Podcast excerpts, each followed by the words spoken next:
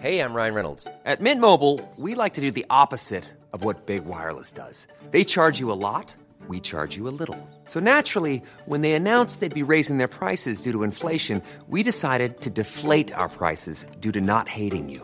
That's right. We're cutting the price of Mint Unlimited from $30 a month to just $15 a month. Give it a try at mintmobile.com slash switch. $45 upfront for three months plus taxes and fees. Promo rate for new customers for limited time. Unlimited more than 40 gigabytes per month. Slows. Full terms at mintmobile.com. Everyone knows therapy is great for solving problems, but getting therapy has its own problems too, like finding the right therapist, fitting into their schedule, and of course, the cost. Well, BetterHelp can solve those problems. It's totally online and built around your schedule. It's surprisingly affordable too. Connect with a credentialed therapist by phone, video, or online chat, all from the comfort of your home. Visit betterhelp.com to learn more and save 10% on your first month. That's BetterHelp, H E L P. Hey there, it's Michelle Norris. I'm host of a podcast called Your Mama's Kitchen. When I travel, I'm usually looking for a way to find a taste of home when I'm not at home. And one of the things I love to do when I am at home is entertain. And Airbnb allows me to do that. When I was in California recently, I rented a house that had a great kitchen. And when we were sitting around the table, we're all thinking, we're in someone else's house. Someone could be in all of our homes as well. If you have a home, but you're not always at home, you have an Airbnb. Your home might be worth more than you think. Find out how much at airbnb.com/slash host.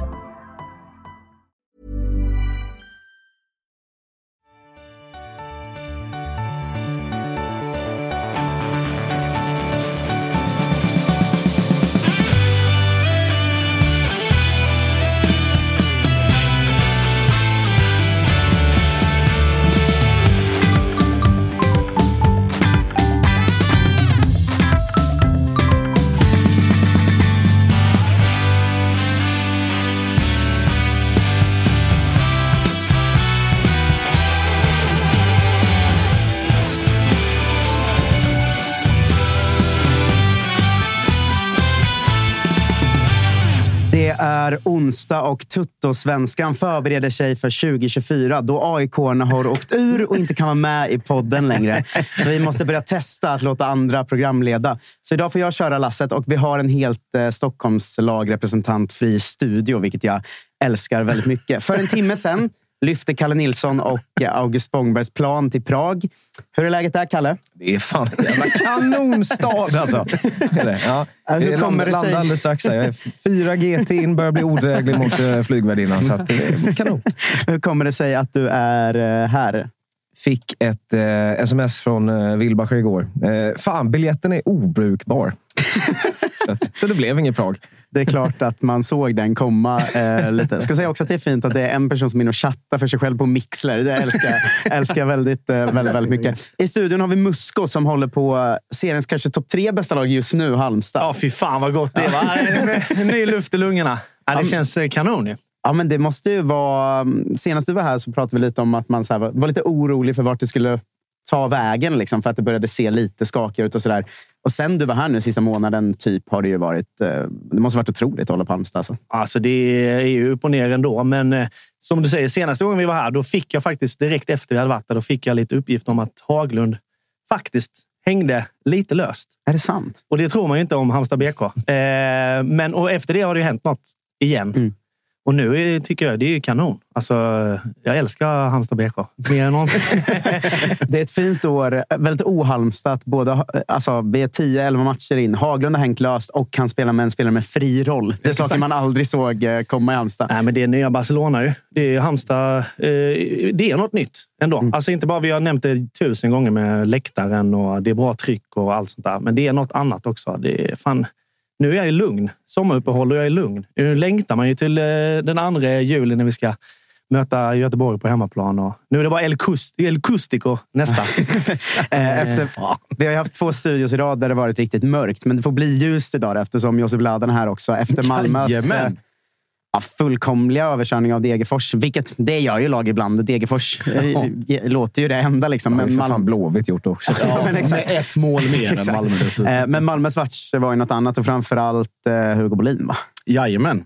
Det, var, det var en fröjd att se faktiskt. Och det var väl också det var väl det perfekta avslutet för Hugo Larsson också med mål och avtackning och liksom ut i den stora världen och en av våra egna som ska, som ska ut och flyga. Så att det var väl och så resultatet, insatsen. Det kunde blivit fler mål. Det var liksom så här, man var väl rädd lite grann som liksom, vi, liksom, när vi pratade efter Elfsborg att fan, det kanske var nu. Nu är det en liten reality check och hur ska man klara sig utan AC? Och nu var väl till och med innan matchen att eh, Tellin var borta och kände av någon ljumske. Ceesay satt på bänken. Tinnerholm spelade inte mer innan uppe, så det var väl lite så här att fan, eh, Degerfors har allt att vinna. Sen såg man att Gravius var borta. Man såg att Korac hade rött kort och så var väl inte oron lika påtaglig. Eh, och sen när det var 1-0 så, så vet man att ah, det kändes som att det var ganska färdigt. Fan vad snett man själv gick i. Drog frikort i fantasy omgång åtta, tog in Korash. Det har inte gått, har inte gått eh, kanon. Men han är ute igen nu. Men jag tänkte att vi ska prata mer om den matchen sen. Men vad symboliskt vidrigt bra ni mådde när Hugo Bolin gör assisten till Hugo Larssons mål där man känner att nu kommer han att ta över. Jag satt, mm. satt och kollade och bara kände att jag undrar om verkligen inte det här. Men Nej, det, det, förstår jag. Det målet måste varit liksom det perfekta målet i sista hemmamatchen för Hugo Larsson på något sätt. Verkligen, och man har inte varit bortskämd med att Hugo Larsson mål. Han gjorde väl mål mot Varberg dessförinnan. Och liksom, liksom, också där, rätt plats vid rätt tillfälle. Men att det var Hugo Bolin och det var hans liksom startdebut på det sättet. Och han får komma in och göra det han gör och visar egentligen från minut ett att här, är någon, det här finns enormt mycket sparkapital och komma in ganska, alltså så sömlöst som man gjorde med, med Peña på innermittfältet, med Hugo Larsson. Att den, liksom den synken fanns och så då med eh, också kul. Vi kommer komma in på det sen, men den nya anfallstrion som fick fria tyglar och fan vad det var fritt. Nej, August Spångberg. Är, Spångberg är alltså inte heller i Prag. resa, Kalle. Tack så fan. Totalt ut. Kul var det. Eh, med oss i studion, eftersom det är Silly-tider snart, har vi också Anel Avdic. Tjena! Tjena, kul att vara här igen. Ja, det är kul att ha det här. Jag tänkte vi ska köra ganska tungt på, på Silly idag. Vi går igenom vad lagen behöver göra och ska göra och vad som är på gång. Men vi ska ju börja ganska snart med att ringa ner till västkusten för att IFK Göteborg har ny tränare. Låt oss gissa att eh, Jocke Harnes är nöjd. Eh, vad, vad känner ni? Ja, otroligt. Han har väl redan fått ett nytt namn i Göteborg. Jens Bertil. Eller något annat, något annat fräckt. Vi ska säga att det är Jens Bertel Asko. Jag mm. än så länge inte lärt mig något som har med uttal att göra. Mm. Men det man har kunnat läsa sig till är att han precis åkte ut med Horsens men har blivit årets tränare på Färöarna 2020. Eh, mm. Det är det jag vet om honom. Och att han har varit en helt okej spelare i Norwich eh, och, sådär, och är 40 år gammal. Precis. Eh, men hur landar det hos er, det här valet? Jag som Halmstad-supporter tycker ju att det var ganska nice att de tar in en tränare. I, de är i kris och de tar in en tränare som precis har varit i en kris och åkt ut med sitt lag det känns ju inte jättebra. Eh, jag hade nog blivit ganska orolig om det hade skett liksom i HBK. Men du vill ju också att det ska gå dåligt. Alltså, Absolut. Det vet vi ju att, det vill Du hatar ju Göteborg mer än du gillar Halmstad ibland. Ja, ibland är det så. Eh, men vad, vad tänker ni två om det? Jag tänker väl att de har fått ganska många nej tack eh, under de här månaderna eh, sen Stare fick sparken i mars. Så att till slut så, om man har haft en lista på 30 namn så den blir liksom Urvalet blir mindre och mindre. Eh, Kim Hellberg sa ju nej och eh, man, hade, man var väl aldrig nära varken Torup eller Fredriksen eh, med tanke på deras löner och liksom att de kanske vill utomlands och så. så att, eh, eh, och Billborn var ju heller inte riktigt så här. Ja, man har ju liksom nåtts av de här ryktena kring honom precis som alla andra i fotbollssverige. Men där tror jag liksom att det, det var väl aldrig heller riktigt aktuellt. Jag tror inte att vad jag fått höra så träffade man aldrig Stefan heller och det var aldrig nära och det tror jag också att det för Ola Larsson när han kommer in som teknisk direktör att ta in Billborn då till det här laget mitt i säsong. Alltså fallhöjden blir ju någonstans mm. lite för stor och eh, riskabelt för hans egen del också. Mm. Eh, men eh, med det sagt, liksom, det här valet är ju är väldigt oväntat. Eh, så jag, ska inte, jag kan inte påstå att jag såg det komma. Däremot så var jag väl kanske inställd på att det skulle vara en utländsk tränare och att, den, och att han skulle vara dansk. För det hade man ju hört eh, mm. slutet på förra veckan och början på den här. Men jag hade inga indikationer på att det skulle vara Horsens eh, gubbe här som eh, tog dem rätt ner i andra divisionen. Det jag vet om honom, det är väl eh, ganska skralt. 3-4-3. Han har skiftat mellan 3-4-3 och 4-3-3 där borta. Mm. Eh, pådrivare, ambitiös. Eh, så här, starkt le, stark ledar, led, led, ledarskap och ska vara relativt bra på att utveckla spelare, säger mm. en dansk kollega till mig. Så att får man väl liksom, det, är, det är det man har att gå på. Nu Det du- som man eh, själv har, eh, alltså det man läst på har ju känts väldigt det här som det, de säger om alla danska tränare. Att det är liksom en, en kille som är bra på att motivera spelare och ta fram talanger. Det säger de ju om alla danska tränare någonsin. Men, men i det här läget Göteborg är i nu, det kanske bara behövs någon som kommer in och får dem att springa mer och tackla mer och ta poäng. Liksom. Det vet jag inte heller. Det kanske, Ja. Som vi fick in Glenn Riddersholm förra sommaren. Som liksom gjorde laget mer, mer cyniskt och fick laget att inse att nu handlar det bara om att klara sig kvar. Det kanske krävs en sån dansk där i Göteborg. Ja, absolut. Och jag tror väl också att eh, med det man har hört från, från Danmark och dan, liksom danska källor och kontakter och så där, så är det väl att det här är mer av en, eh, alltså, en tränare som bygger sitt ledarskap på personkemi och liksom att motivera än vad det kanske är supertaktiskt. Eh, nu var jag inne på att 3-4-3, 4-3-3, men det är likväl att även om det är den formationen så är det fortfarande väldigt mycket mer sparka, spring, jobba hårt, pressa. Liksom, lägg ner arbetsinsatsen mer än vad det kanske är liksom, taktiska Ja. finurligheter. Så att det, är väl, det väl går väl lite ihop ändå om man ska se det från det perspektivet. Att vad Blåvitt har varit. Eh, att Blåvitt har försökt att liksom jobba bort det på något sätt men samtidigt ändå bara stannat eller förstått att det kanske bara är där vi fortfarande är lite grann och det är det vi behöver jobba ut efter. Sen är det då utifrån spelartruppen. Jag vet inte hur många kreativa spelare finns där egentligen. Det är väl en. Ja, Kanske två om man räknar in Kanel, men skadad och då är det ju Elias Hagen som mest fick liksom, ont i nacken av att titta hur bollen flög över honom under hela försäsongen. Det jag Men- tänker... Ja, förlåt. Nej, nej, fortsätt, fortsätt. Nej, jag tänkte bara på här, den här trenden i svensk fotboll som är nu med att eh, ta hjälp av den här danska re- re- rekryteringsbyrån One Nexus. Att först är det ju egentligen Häcken med Högmo, sen eh, bitvis också med Cifuentes till Hammarby och sen Thomas Berntsen till AIK där de är inne och petar också. Och sen att de är inne här också är pådrivande i, i den här processen. Att de eh, intervjuar kandidater och eh, Askö är ju deras det är ju via den här byrån som de har fått fram att det här är, en rätt, eller ja, det här är kandidaten till Göteborg. Jag tycker det är spännande med det här eh, outsourcandet som svenska klubbar jobbar med just nu. Det finns en risk i det också, att man inte är särskilt eh, att man inte är särskilt aktiva i det själva. Att man liksom lämnar över för mycket ansvar till externa parter. Eh, För Göteborgs skull hoppas jag ju bara att de själva har varit liksom, att de har hållit i det här. Och även om One Nexus har lagt fram det här, alltså, alltså, alltså Aske som ett namn, så hoppas jag att Mild och Ola Larsson och de har grundligt gått igenom kandidaterna eh, på sina kriterier och att man inte liksom bara går på en rekommendation här. Eh, vilket jag förutsätter någonstans att man inte gör. Eh, Så att, nej, det är upp till bevis här med början på, är det söndag va? Eller? Ja, Sirius. Direkt. Det känns som att eh, studion är liksom försiktigt tveksamma. Eh, Men det är man ju alltid när det är någon man inte vet något om. också. Sådär. Eh, Så vi har ringt Göteborg och eh, vår kompis BB Jocke eh, för att se vad, vad din ingång är på nya tränaren här. Ja. För, för, först så är det ändå en skarp spaning av Anel att, eh, att han hoppas att de inte bara har kastat upp alla, alla, alla i luften och hoppas att något ska trilla ner i huvudet. Så. Men, eh, nej, men det är bra här nere på västkusten. Jag, jag är, jag är Lerkilshamn kan ni se här. Vad har vi på Lerkil? Vet ni det? Någon spelare som kommer från Lerkil? Eh, absolut inte. Men det, här, det är roligt att ju sämre det går för Blåvitt så blir det mer och mer naturbilder alltid. När vi... Det är Glenn, Glenn Strömberg som har Lerkil Ah. som modersklubb. Men, men skit i det nu. Först någon, nå- lite rättelse här. Då.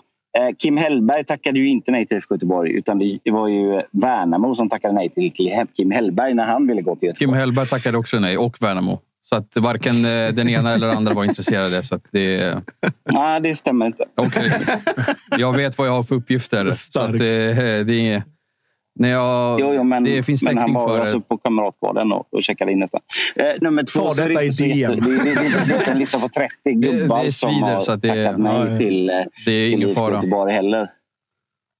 Utan, utan det här var ju en av, en av dem som man, som man ville ha. Ja, men jag, jag gjorde väl kanske lite samma tanke och gick lite samma fälla som, som er från början när, när det här blev liksom stod klart eh, nå- någon gång igår att okej, det blir nog fan med Jens Bertil som vi kallar honom. Eh, en snabb googling så ser det ju inte så jävla spännande ut så här. Och, åkt ur massa divisioner och varit på, på, på, på Färöarna och, och, och allt vad man hittar. Skrapar man lite mer under ytan så, så, så är det ju såklart så att det, det är en ganska kompetent tränare som, som framförallt har gjort ganska mycket med väldigt lite resurser så att säga. Som Horsens som har den eh, överlägset sämsta ekonomin i, i superligan många säger att de borde inte varit där överhuvudtaget, men han tog dem ändå dit och sådär. Eh, sen så det här sparka och spring-narrativet det tror jag inte heller på. Utan eh, det, de som jag har liksom kunnat kolla med säger ändå att det, här är en modern tränare. Det ska inte vara någon liksom knock it long 4-4-2-gubbe. Utan, utan snarare en som vill spela ett, ett snabbt spel med, med, med ja, så tekniska spelare som IFK Göteborg har just nu. Mm. Det är väl tveksamt. Ni, ni ser eh, förskräckta ut där inne nu, men hör ni mig? Eller? Ja, ja, ja. ja men... så, att, så att lite får man nog göra läxan mer än en googling såklart. Men, men det är väl klart att när man som utomstående bara tittar snabbt på det så, så, så det låter ju inte som det absolut sexigaste. Mm. Men självklart så får IFK Göteborg också mätta munnen efter matsäcken här nu. Liksom. Det är inte så att man kan betala de högsta lönerna. Det är inte så att man ligger i det bästa läget. Så självklart, en del namn har nog inte ens fått frågan eftersom det inte, inte är aktuellt. Jag, jag vet jag, jag, vet, jag vet väl en, en som har tackat nej som har varit mitt i mellansegmentet. Men det, det får vi nog hålla, hålla lite på här så länge. Mm. Eh, jag tänker nu, det är väl eh, två matcher eller tre matcher kanske till innan fönstret öppnar eh, efter uppehållet. Där. Vad, vad, vad, vad, måste han få på plats och vad tror du måste in i, i sommar nu? För att det, är väl, det är väl någonstans härifrån man börjar så att säga med honom och Ola och ett, deras första fönster ihop och allt det där. Ja, så får man väl säga. Nej, men, alltså man måste, eller det hoppas jag att man redan har gjort om man bestämt sig för hur ska vi spela i, i fortsättningen. Mm. Han är väl Sen... trebackslinjetränare sägs det? Vad sa du? Han är väl trebackslinjetränare och eh, det är väl även... William Lundin var väl också det med Trollhättan, så det kanske, kanske en treback där. Men det känns som det materialet finns väl inte riktigt på plats nu. Han har spelat båda tror jag. Ja. Eh, så både fyra och treback. Ja. Så det, det, det, det är bra. Också. Ja. Nej, men jag skulle nog bli rätt förvånad om vi ser en treback eh, på, på söndag, om man säger så. Mm. Det, det, jag känner någonstans att i, i någon sorts DNA så är det fyrbackslinje i Blåvitt och det tror jag ändå att man har liksom kikat på. Men vad fan, mm. man, man har haft fel förr, eller vad säger ni? Eh, och ja, det, det, det, är, det, det, är ju det, det svåra här är ju att det är två bollar att hålla i luften samtidigt. Den, mm. den kortsiktiga klarar sig kvar till varenda jävla pris som finns. Ja, den bollen är ju ganska där, viktig. liksom. Ja, och där, där, där, tror jag väl ändå att så, så här, attityd, kravställan delen som ändå finns eh, tydlig hos eh, Jens Bertil här mm. eh, är viktig. Jag tror också att det kan vara väldigt bra att det kommer in någon utifrån som inte är en del av den svenska genpoolen och som kan säga till de etablerade spelarna att du vet vad, du håller inte, du spelar inte idag. Oavsett vad det står för, för namn bak på tröjan så att säga. Ehm, det, det är väl det man får, får liksom sätta någon sorts hopp till. Mm. Ehm, men när det gäller spelare in så, så, är det ju fortfarande det här Edvardsen-grejen som, som jag, jag säger att den i högsta grad lever. Mm. Eh, och det, som jag sa sist, det, det, är väl ungefär det bästa vi kan få in på anfallssidan och vi behöver få in någonting på anfallssidan. Så, så det är självklart att det är offensiva eh, kraften.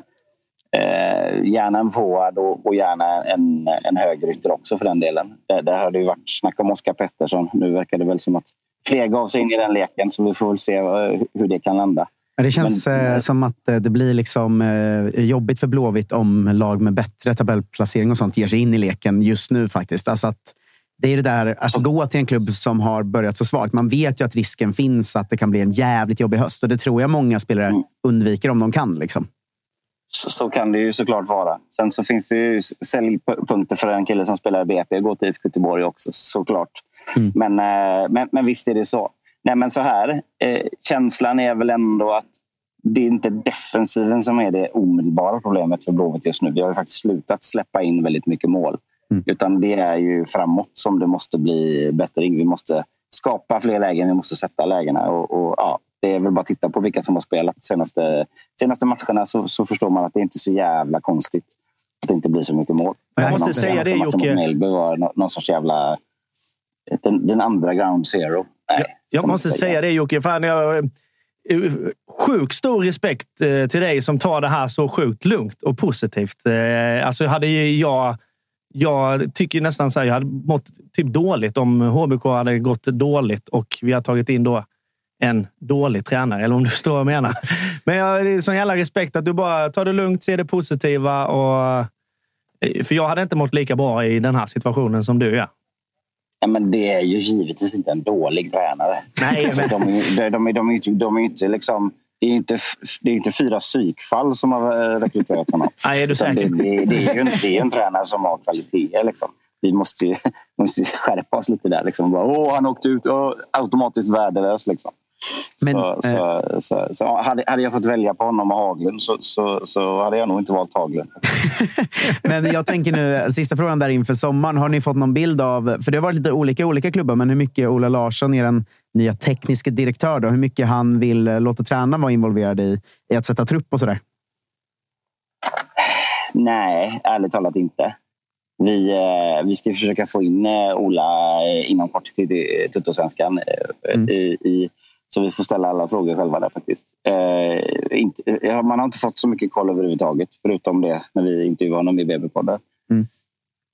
Ja, men eh, det, ska, det ska bli spännande att följa. Jag tycker Blåvitt, eh, vi pratade om det inför säsongen, att det var liksom fem lag som hade otroligt spännande liksom vinterfönster. Blåvitt, AIK, är, alltså deras sommarfönster kommer ju bli... Det är ju popcornläge att följa vad som händer, för det kommer hända mycket där tror jag. Ja, utifrån, vad man, utifrån vad man kan. Alltså så här, AIK har ändå någon form av, liksom, för att citera Manuel Lindberg, krigskassa. Ja. Eh, Blåvitts är väl lite mer skral, kanske. Eh, och då får man väl också, om det ska in någonting så måste ju någonting stort med stor lönepost ut också. Och det är väl också så här frågan, var, var ska man liksom börja plocka? Eh, och hur Alltså, mycket man- kostar man- det? Ja, eller att man säljer liksom. Att man, Ja. Typ alltså Bångsbo eller någon. Att man, om, det, om det skulle komma något bra bud som kanske möjliggör Vi, värvningar. vi, vi, fick, vi fick ju iväg en av de största löneposterna i Simon Tern redan i förra fönstret. Så att det, det finns nog ändå ett visst utrymme att göra saker. Mm. Och sen så är det ju den krassa verkligheten är ju så att det är dyrare att åka ur den. Och, och, och, så jag tror att det mobiliseras och det kommer nog ändå finnas pengar för, för rätt spelare så att säga. Så, Men, kom, eh, så ja. kommer, eh, kommer det som det är pressmeddelande. IFK Gbg transferintressenter AB med ny, ny emission. De har ju skjutit till eh, externt kapital också. Ja. Alltså Ja. 67 Jag älskar miljoner att- kronor. Jag älskar att, att, att pressmeddelandet kommer på göteborgska. Ja, det måste det göra. Det är både i, i ljud och text. Eh, Men jag tänkte sista frågan där. Vet vi mer om Kalle Johansson på mittbacken? Kommer han kunna bli kvar? Eller? För jag såg att han förlängs inte i eh, si- sitt lån, utan han kommer väl hem. Men kommer han försvinna Nej, nej, igen? han eller? är borta. Han är redan klar. Han är väl klar. Han är redan klar. Jag har missat det. Tyskland. Ja. Var, var, var det Vad Rostock?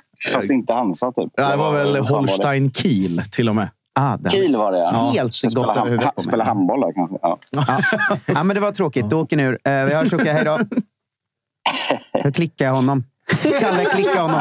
Eh, Fan, vad du, fan vad dålig du är på detta, Marcus. Ja, verkligen. Jag fattar ju inte datorn. Ha det gott Jocke. Ha det fint, Jocke. Inget, inget skitsnack nu. Nej, nej, nej. nej.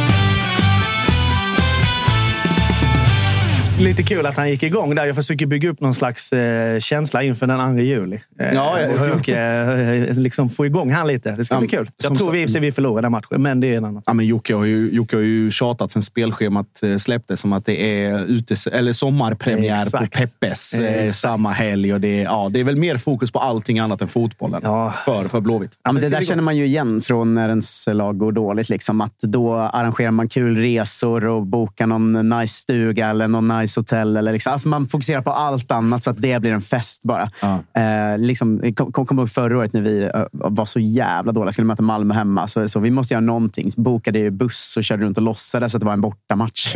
alltså, det, är liksom, det är där man hamnar till slut. Vill man se de här matcherna på tv istället eh, så kan man göra det på ju. De har alla Discoverys sändningar från Allsvenskan. De har ju också Champions League-finalen i helgen. Det är ju eh, det väl kanske den största pushen just nu ändå. Att se Inter krossa de här trippeldrömmarna hos, eh, hos Pep Guardiola. Så skaffa konto på More. Tack till de som sponsrat Tuttosvenskan. Jag tänkte kolla med er. Vad tycker ni att Blåvitt eh, behöver göra i sommar? Det är mycket som, mycket som borde hända, men kassan kanske inte riktigt finns. Men vart skulle ni lägga prio och eh, har ni hört något som är, som är på gång? Ja, men det är väl, eller vill du börja? Nej, kör du. Nej, nej, men jag tänkte väl, det var väl lite inne som, som Jocke, Jocke sa, att det är väl anfallsfrågan. Det är väl där det stora kruxet har varit.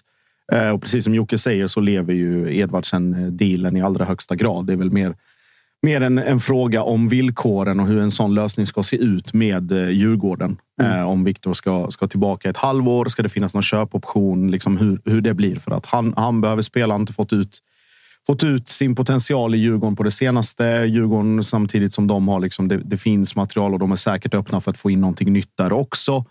Eh, så det är väl, det är väl där. Eh, sen frågan är ju då om det räcker med bara Viktor Edvardsen. Om man ska ha någon liksom berg. Man märker dag för dag, omgång för omgång att den där ryggen, den pallar inte så mycket längre. Fan, han är ju i det här läget som man har sett många gånger och som jag vet att många har sagt redan. Ja. Men att man känner ju så tydligt att han borde lagt skorna på hyllan efter förra säsongen, tycker jag. För att Ja, det ser för jobbigt ut att spela. Det gör ju det. Och det är, liksom, det- är på något sätt ovärdigt alla att det ser ut som det gör. Nu säger jag inte liksom att, är, att han stapplar omkring, men det är långt ifrån den Marcus Ja. Berg man är van vid att se och som, hade, liksom, som själv också tror jag känner hade kunnat bidra till IFK Göteborg mycket, mycket mer. Så där, men där finns ju Karlstrand liksom som eh, utvecklingsbar spelare. Det finns Abdullahi, Kalles eh, egen gubbe. Så- Om hans kropp är hel och... Ja, det vet man ju inte. Va? Han fick ju 30 senast. Såg sådär ut Nej, eh, mot. Mjällby. Men det var, ju så, Eh. det var ju återigen refererat till den söndagsintervjun vi gjorde med William Lundin. Men, men när han på, på, på den raka frågan, kommer vi få se Sulle spela 90 någon gång i IFK Göteborg? Att han liksom inte kan svara på den. Det Ja, säger ju ja, ganska det mycket ja, om, precis.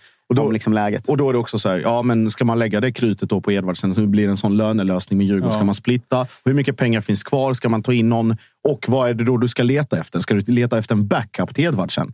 Eller ska du någon som är lika bra? Hur ska den konkurrensen... Knepigt. Det är jävligt knepigt. Och, det, Ja. och nu med Salomonssons eh, nyckelbensskada också, Ja. borta tre månader. Bara där. Ska man förstärka där eller ska man förlita sig på, på det som finns? Sen blir det väl yttrar också. De behöver ju det. Eh, alltså jag tycker väl att de kanske behöver minst två plus en forward. Så de, tre, tre spelare in till det offensiva. Och sen beroende på om man ska göra någonting ytterligare nu på högerbacken nu när Salomonsson är borta. Det beror på liksom hur, hur mycket medel man har. Men eh, eh, ni pratade lite där om Ola Larsson. Jag, jag tror att han har ganska mycket att säga till om eh, i det här skedet tillsammans med liksom nya tränaren. Eh, vad jag hör så har ju liksom Stigs inflytande blivit allt mindre. Eh, eh, och de är ju liksom internt är de missnöjda med hans värvningar. Åh, fan. Alltså Sulle och Eman, alltså det har inte sett bra ut. Liksom. Eh, Hagen är väl liksom så här, där, där tror jag att ändå att det är ändå, det, i, i grunden är det en bra spelare. Så att med en ny tränare så kanske han kan få ett lyft och sådär. Eh, och ett spelsätt. Men eh, Jag tror egentligen att man, så här, Tronsen och Hagen, alltså där kommer de ju kunna få ut mycket, mycket mer. Ja, förhoppningsvis. Eh, det är inga dåliga lirare. Så att, men framförallt Sulle, liksom, man kan inte ta in en så skadeskjuten spelare. Han har, ju knappt, alltså, han har väl inte gjort 90 minuter sedan han kom förra, för ett år sedan. Eller något sånt. Och Markovic gör ju inte heller särskilt mycket, tycker jag. Alltså inte för att kosta drygt 4 miljoner kronor eh, från en konkurrent eller 3,5 eller vad det nu var. Så att, nej, men jag, jag tycker att de behöver förstärka offensivt och, sen, eh, och framförallt yttra då, och en central nia. Då.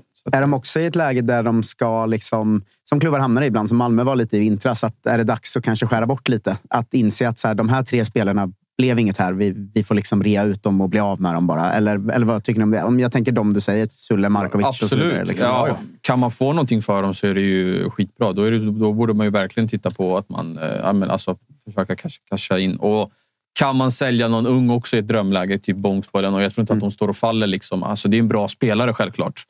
Eh, som kan bli ännu bättre. Men i det här skedet, om en försäljning av Bångsbo betyder att de kan få 10 miljoner till eller 15 miljoner till eller, eller vad det nu kan vara, då tycker jag att man borde överväga det. Eh, För att liksom få, en, få, få ett starkare IFK.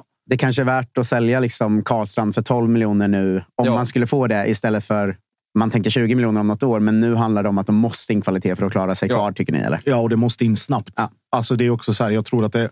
Visst, det är, men Anel vet ju om någon, men just de här förhandlingarna kring spelare alltså, som har flera alternativ. Nu öppnar ju fönstret och då blir det så här att Blåvitt har inte riktigt det utrymmet att, att vänta in. Utan de måste gå för spelare som kan komma nu, nu, nu. Mm. Och det blir ju också nu med ny tränare och gruppdynamik. Det kommer väl säkert bli någon vad heter det, get together eller kick-off weekend i Stenungsund och så kommer Blåvitt gå som tåget. Men just den biten att även om du vill ha spelare som kvalitativt är bättre än det som finns tillgängligt här och nu så har du inte riktigt råd att vänta. Utan det, liksom, Saker måste ske ganska fort. Så att det är väl ingen omöjlighet att efter Sirius-matchen att det dyker in ett eller två namn klara inom loppet av någon dag eller några dagar. Eh, Jag tänker att vi kör eh, mycket Blåvitt säkert nästa vecka när vi har fått se en, en match med nya tränare. Men nu lämnar vi dem och går till deras eh, stora fiende Musko och Halmstad. Som sagt, en ganska imponerande period. Eh, 0-0 senast mot Bayern i den kanske tråkigaste matchen jag någonsin har sett. Hur var den tyckte du? Då har du inte sett många HBK-matcher, det kan jag säga. Men de hade ju inget highlights-paket för det inte fanns highlights. Det har jag fan aldrig varit med om. Nej, men alltså det, var- det kändes eh, skit... Alltså jag skrev på, på Twitter direkt efter också att jag kände så här. 0-0, en poäng mot Bayern och det är bara liksom okej. Hade det varit eh, en poäng mot Bayern för två år sedan, då hade jag varit skitglad. Mm. Och det betyder att vi har kommit någonstans. Eh, att man liksom, nu det här året har varit speciellt med tanke på att vi har slagit och tagit poäng mot alla storklubbar hittills, förutom Malmö. Då. Eh, men liksom... Ska eh, säga i körschemat som Agge Spångberg skrivit. Han blir ju argare och argare i körschemana för det går dåligt för AIK. Då, eh, då står det Örjansvall fortsätter vara en jävla borg. Bara flax Malmö som vunnit där. så det är med i körschemat också. Men ja, fortsätt. Nej, men just matchen mot Bayern var ju, som du säger, skittråkig. Men ganska så liksom, struk- strukturmässigt tyckte jag det ändå såg ganska bra ut. Vi plockade bort de spelarna vi behövde. Vi dödade de ytorna vi behövde. Det blev en poäng. Det var klart. Hej då. Nu är det El Custico som jag sa nästa match. Så att, eh, jag vet, eh, ganska mellow inför hela den där matchen. För det, som sagt, det hände ju inte så mycket. För mig var det ju ännu en match där eh, man landar i det du sa inför säsongen när du satt här och sa att vi alla ska se upp för Phil på högerbacken, alltså Ofusu Aje som Alltså jag börjar känna att det kanske är seriens bästa högerback. Alltså han är helt överlägsen defensivt. Ingen tar sig förbi honom alls och han är bra offensivt. Alltså, det måste vara en fröjd att se hans utveckling den här våren. Alltså. Alltså jag, eh, som sagt, Dr. Phil har vi gillat sen eh, han drog korsbandet eh, förra säsongen som vi pratade om. Men alltså, man tittar på honom med internationell klass. Eller jag i alla fall det. Du vet, han Ja, jag- slår, jag håller med, alltså. slår sina inlägg stenhårt. Eh, Sen, är- han blir lite lat eh, i vissa defensiva, men det, fan, det har han råd med. Det får han Mm. göra. Liksom, för han är så jävla bra. Och det är en sån trygghet att ha honom. Alltså det, är- de där benen, eh, känns, det känns lugnt. gång. Jag tycker det påminner lite om så här, när Godswill Polo kom fram i Häcken och snacket blev att så här, ah, han har varit i Barcelona och det syns för att det är liksom en liksom högre nivå på många grundaktioner. Liksom. Jag, ty jag tycker verkligen Fille är där. Jag, jag, jag ser inte många högerbackar som är bättre. Nej, jag, jag kommer ihåg när, när han kom till Halmstad ganska oväntat. Och då var väl folk bara sig, äh, det är ju Baffos polare från Tyskland. Hur jävla bra kan han vara? Men man, alltså just den här skolningen in i, liksom, i den tyska fotbollen. Att det är, liksom, det, är det här hårda jobbet, det är disciplinerad, det är variation. Liksom så. Sen som du säger, att han, har, att han tar sig friheten att vara lite lat. Det är för att han fattar att han är i HBK och inte i Nürnberg eller valfri annan tysk klubb. Men just, just den biten att det ger ju också, det sprider sig. Det gör ju att Kasper Karlsson kan få det här utrymmet, att Erik Ahlstrand kan få det, att Ante kan slappna av, att Baffo liksom...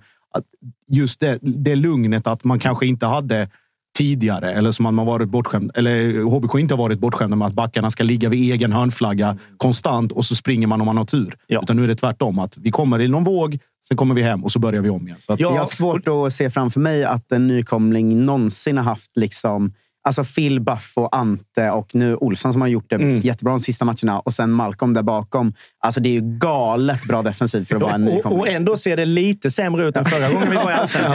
Ja, det är faktiskt sant. Eh, faktiskt. Nej, men, jag håller med. Alltså, det, det sprider ju inte bara ett lugn till oss, utan på planen. Man märker ju det. Alltså, också fått eh, indikationer på att på träningarna är det liksom också internationell klass. Att det liksom köttas i varenda duell. Till och med så här, Phil, du får lugna ner dig lite. Eh, att liksom, och det behövs. Man behöver det i ett lag. Någon som sätter standarden. Mm. Jag vet inte, det är en jättedålig parallell, men om man liksom jämför med Zlatan till exempel, som kommer in i ett lag och bara det här, när han kom till Milan nu senast, vi måste höja standarden. Och så känns det lite som att både Phil och Ante gör. Och det utvecklas ju i alla spel. Jag tycker Kasper Karlsson har blivit så bra som man trodde att han skulle bli. Han har några steg till i sig. Ahlstrand, alla succéspelare i år igen. Ja, han är faktiskt otrolig också. Men man vet att Halmstad mår bra när supportrarna sitter och jämför högerbacken med Zlatan.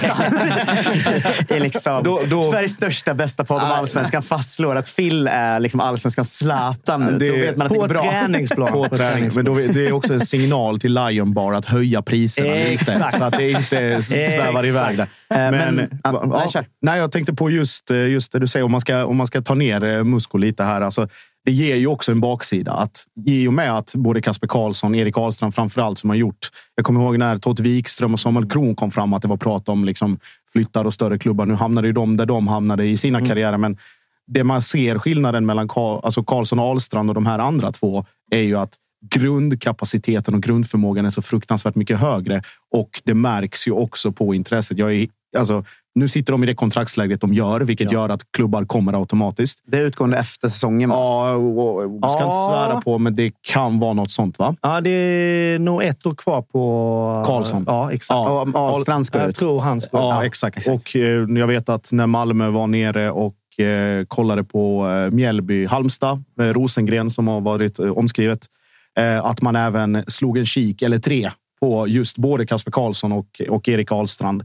Sen är det såklart, alltså, det är, hur mycket kan Malmö, hur mycket kan och vill Malmö gå in där och peta? Jag vet att eller Karls, eh, vad heter det? Kasper Karlsson har varit eh, ihopkopplad med AIK i flera fönster. Jag tror det var redan i, i liksom förra sommaren att man pratade om det. Eh, fått uppgifter på att det är Ahlstrand är ett namn för Bayern. Att de har varit där och kikat. Och just då med tanke på det ganska Även Brönnby också. Bra, exakt. Ahlstrand då. Ja, och att det finns ganska gynnsamma lägen där. Så att även klubbar man tänker att så här, okej, men från HBK som du säger, Brönnby eller liksom till Danmark eller någonting sånt. Men även att de stora rävarna är där och petar och liksom som jag pratade med Tapper om innan, ha, börja halvdränera de, liksom, de individuellt skickliga spelarna från, från eh, lägre rankade lag. Så vi får väl se. Men, Men jag tycker men det- just med Kasper Karlsson är det också ganska... Alltså han är ju en sån man har hört namnet på i tre år nu och man har sett att han gör det bra i ungdomslandslagen och allt det där. Och, och när en sån spelare sen blir startspelare i allsvenskan för en, eh, ursäkta, mindre klubb då än Malmö och gänget. Det är ganska väntat att han i sommar eller vinter tar ett steg inom Sverige eller till och med ut i Europa, tycker jag. Och det tänker jag att ni är beredda på också. Men alltså, det där är ju HBK för mig. Alltså på ett sätt. Alltså, det finns ju hur många exempel på helst som det. Alltså, det finns, ja, vi kan räkna upp hur många som helst. Och jag tycker inte det är just nu när det går som det går och går ganska bra. Vi ligger ganska bra i tabellen. Alltså kan vi casha in på våra unga spelare. Det är lite så HBKs modell. Ju. Eh, och då, jag, jag, jag ser det mer som ett sundhetstecken för att mitt lag mår ganska bra just nu. Eh, och sen tror inte jag heller att vi ska liksom börja vinna allsvenskan igen eh, nästa år. Liksom. Eh, men jag, jag tycker verkligen att eh, det har blivit en annan... Vi är tillbaka lite i gamla HBK. Just att man ser här kommer unga egenfostrade talanger. Vi säljer dem vidare. Alltså, vi har ju många som helst. Wilson Paul till exempel. Eh, Alamari kom i sig från Jönköping, men gjorde en jäkligt bra säsong. Sen gick han till ett annat lag. Vi har samma med Kurtulus. Alltså det händer hela tiden i HBK. ja, vi har ju... Det Alltså, till och med. Ja, både Ja. lillebror och storbror. Exakt. vi har ju så klass, alltså det är ju varje år känns det som. Alltså, vi har ju Haksabanovic Ja. och Isak Pettersson. Och Erik. Smith. Alltså, eh, Erik Smith. Malmö är evigt tacksamma Halmstad för Marcus Rosenberg. Jajamän, det, var vi som, det var vi som skolade honom och lärde honom att spela fotboll. Just det. Ja, Halmstad-legenden. Men det känns som att ni hittat en eh, sjukt liksom, jämn nivå. Alltså, det, vi har väldigt svårt att se Halmstad liksom, klappa ihop och förlora tre raka eh, härifrån. Och det måste kännas väldigt, väldigt skönt att ni har nått den, i alla fall som känns som den jämnheten. Ja, och just som du säger, att förr gick man alltid med kniven mot strupen. Det blev en bra match och så var det fyra dåliga. Nu är det snarare fyra bra matcher och en dålig. Eh, och det är jäkligt bra. Sen att inte det behöver alltid mynna ut att vi tar tre poäng mot ett storlag. Liksom. Eh, men att vi har en jämn nivå i spelet. Och det jag tror som Halmstad-supporter som kan då säga till exempel till eh, AIK och Göteborg som är där nere i träsket igen att eh, det är ganska nice när det bara flyter på och det inte händer så mycket. Ja, men jag tänker vi kan ta Det är det. ett det sundhetstecken. ja. men det är nio poäng ner till eh, Blåvitt AIK nu. Eh, åtta i tabellen, 16 poäng. Eh, räknar du in att ni klarar er kvar i år? Eh, jag har ju sagt eh, innan att jag tror att vi kommer på tionde plats. Eh, Så länge vi kommer före Degen, eh, om du minns. Eh, eh, och jag tror att det är kanske där någonstans vi hamnar. 10, 11 kanske. Och jag tror att det med en sån här första del av säsongen, när vi har ändå betat av ganska många storlag. Det är fan inte omöjligt att vi hamnar här. Alltså. Jag, jag, tror att vi, jag tror att vi klarar oss kvar, absolut. Jag Men vart vet jag inte. Vi alla trodde väl också på att de skulle klara sig kvar inför säsongen. Men eh, vad säger ni två? Det är väl det är nästan klart nu. Känns det redan så? Ja, det känns som det. Jag tror, att det, jag tror att Halmstad har en så pass bra grund och kommer nog också få behålla eh, stora delar av den här truppen. Kanske att man tappar någon, eventuellt Ahlstrand då, som jag vet att man har. Liksom, eh, där man någonstans anar att det kanske är läge att sälja honom i sommar eller så. Eh, men annars så tror jag att det är, liksom, det är, det är lugna puckar och det finns absolut ingen anledning för eh, Halmstad supportrar eller liksom internt att man ska eh, vara eller känna någon oro. Så att det är bra marginaler ner till strecket, bra trupp, stabilt eh, grundspel, många unga fina spelare. Eh, ett, eh, ett fint lag. Så att, eh, jag tror att hösten kommer vara bra för dem också. Och jag, jag räknar med att de är kvar. Alltså. Ja, li- lite inne på samma. Jag tror att framförallt det som är Halmstads största trygghet och liksom Haglund att okej, nu klaffar inte detta eller vi har mer att hämta här och Granat har mer att liksom visa upp och så där. Är ju att den fyrbackslinjen, det finns liksom ingen anledning att peta på någonting. Nej, och den målvakten. Alltså, ja, ja, ja. ju- Alltså just den symbiosen och hur allting funkar. Att det, är liksom, det är den fyrbacken med de spelarna. Det är ingen stress. Att det är, och skulle man torska, man torskar ju inte mer men med 1-0 eller 2-1 på sin höjd. Så det är just det här uddamåls HBK Ja. fortsätter ju tugga på. Och starka på hemmaplan. Alltså, Exakt. Det är ju också en jätteviktig faktor om man ska säkra ett nytt kontrakt. Att man, man plockar poäng på, på hemmaplan och nu vet ju storlagen, det är dokumenterat. Alltså, åka till Örjansvall, det är, liksom, det är tufft. Eh, fråga AIK, fråga Djurgården, fråga Bayern. Malmö med lite flax. Häcken. Häcken, ja. Häcken, ja. Ma- ma- ja. Patriot. Free. Det, det är faktiskt eh, egentligen helt sjukt att HBK inte är bästa nykomling i år, utan att det är BP. Alltså, det känns som... eh, Det, känns, Det vänder. Det känns vänder. det är, Men, men, på tal om det när du sa innan de går till lite sämre klubbar, typ Samuel Kron. Han gick ändå till BP. Ja. En Bättre klubb. Ja, Just nu är det. uppenbarligen. Ja. ja. Eh, Men jag tänker det sista vi kan ta är väl ändå Granat som vi alla inför säsongen också hade. Så här, man vet aldrig med superettan skyttekungar. De kan komma upp och vara så himla tydligt superettan-spelare ibland i allsvenskan. Mm. Men vad har han gjort med fyra på elva och är stabil och bra? Liksom. Hur ser du på hans eh, start på Ja, säsongen? men, ah, jag är lite, ändå lite besviken på Granat. Mm. eh, För att han, han var så jävla bra i superettan. Och sen Mm. vet jag som Alexander Johansson var också skitbra i superettan. Men där har vi liksom en ung, tunn, snabb spelare. Han, han visste man att det kommer inte bli lika bra i allsvenskan. Framförallt inte första säsongen. Eh, Men med Gran- Granat kände jag ändå att fan, det här har vi någonting. Klassisk nia, ah, vet jag inte. Men han är ändå lite så här boxspelare och bra på huvudet. Och, men han, eh, det har inte riktigt exploderat än. Eh, Och jag vet i Halmstad-led, eh, bland supportrar, så är det 50-50. Många tycker han är kanon för HBK och många tycker att han är alldeles för dålig. Eh, Så att, eh, jag vet inte om det finns någon bra spelare på väg in till HBK. Kanske ska ni försöka med Bergström igen. Ja, jag han är ju, precis säga eh, jag vet ju att Kim och Tolle inte tycker att han har Nej. varit... eh, Men han tror jag är där. ganska bränd i Halmstad om jag ska vara ärlig. Ja, det, det, men det förstår man ju. Men givet hur det slutar sist. Men vad fan, en andra chans alltså. Ja. Man vet Nej, aldrig. fast det kommer inte gå. Alltså, Nej. det så fort han steger in på den planen, det kommer inte gå. Det- Ja, Haglund och Pelle och alla som håller på och styr, de, de har i och för sig jävligt dålig fingertoppskänsla. Förra året till exempel i hymnen, mitt i hymnen, när alla stod och sjöng. Jag sjunger i och för sig tredje versen på den, det har jag sagt innan. Eh, mitt i hymnen, då är jag bara, eh, då vill jag berätta att det är korv och läsk för 15 kronor. När folk går in på planen. Alltså, det, ja, Men, men har man ingen förståelse för i HBK-led att i Bergströms situation, att när, när det är favoritklubben Djurgården som ringer. Alltså det är inte liksom, eh, det är inte med all respekt nu, det är inte AFC som ringer eller något sånt, utan det är Djurgården. Eh, Det är liksom, han är helt stekt. Alltså, vad, man har kunnat utläsa från Haglunds eh, håll i alla fall, där kommer det inte gå. Nej. Eh, han såg det Han som ett, less. Ja, men han såg det för, som ett jäkla svek. Ja. Eh, och han var ju klar. Alltså, han hade ju sagt ja till Haglund och bara, men vi kör på detta. Ja. Och sen vad var det? Ett WhatsApp, eh, ett meddelande från Bosse bara kom till oss. Och det kändes ju som Bosse gjorde det där bara för att han kunde. Ja, för att de- visste. Men det här gick vi igenom förra Ja. avsnittet, att det kändes som en värvning Bosse gjorde för att han tyckte det var kul. Ja. alltså, att det var lite den stämningen runt det. Nej, men det, det, kommer, aldrig, kommer aldrig gå. Alltså det, gör de det, då, det kommer, nej, fan. Då, ska man, då ska man till Lions. Det kan jag säga. då brinner då Lion brinner Lions. eh, men det, det kommer inte gå. Även om Bergström, eller Bergström kanske skulle kunna vara ganska bra för HBK att få in. Alltså rent spelmässigt.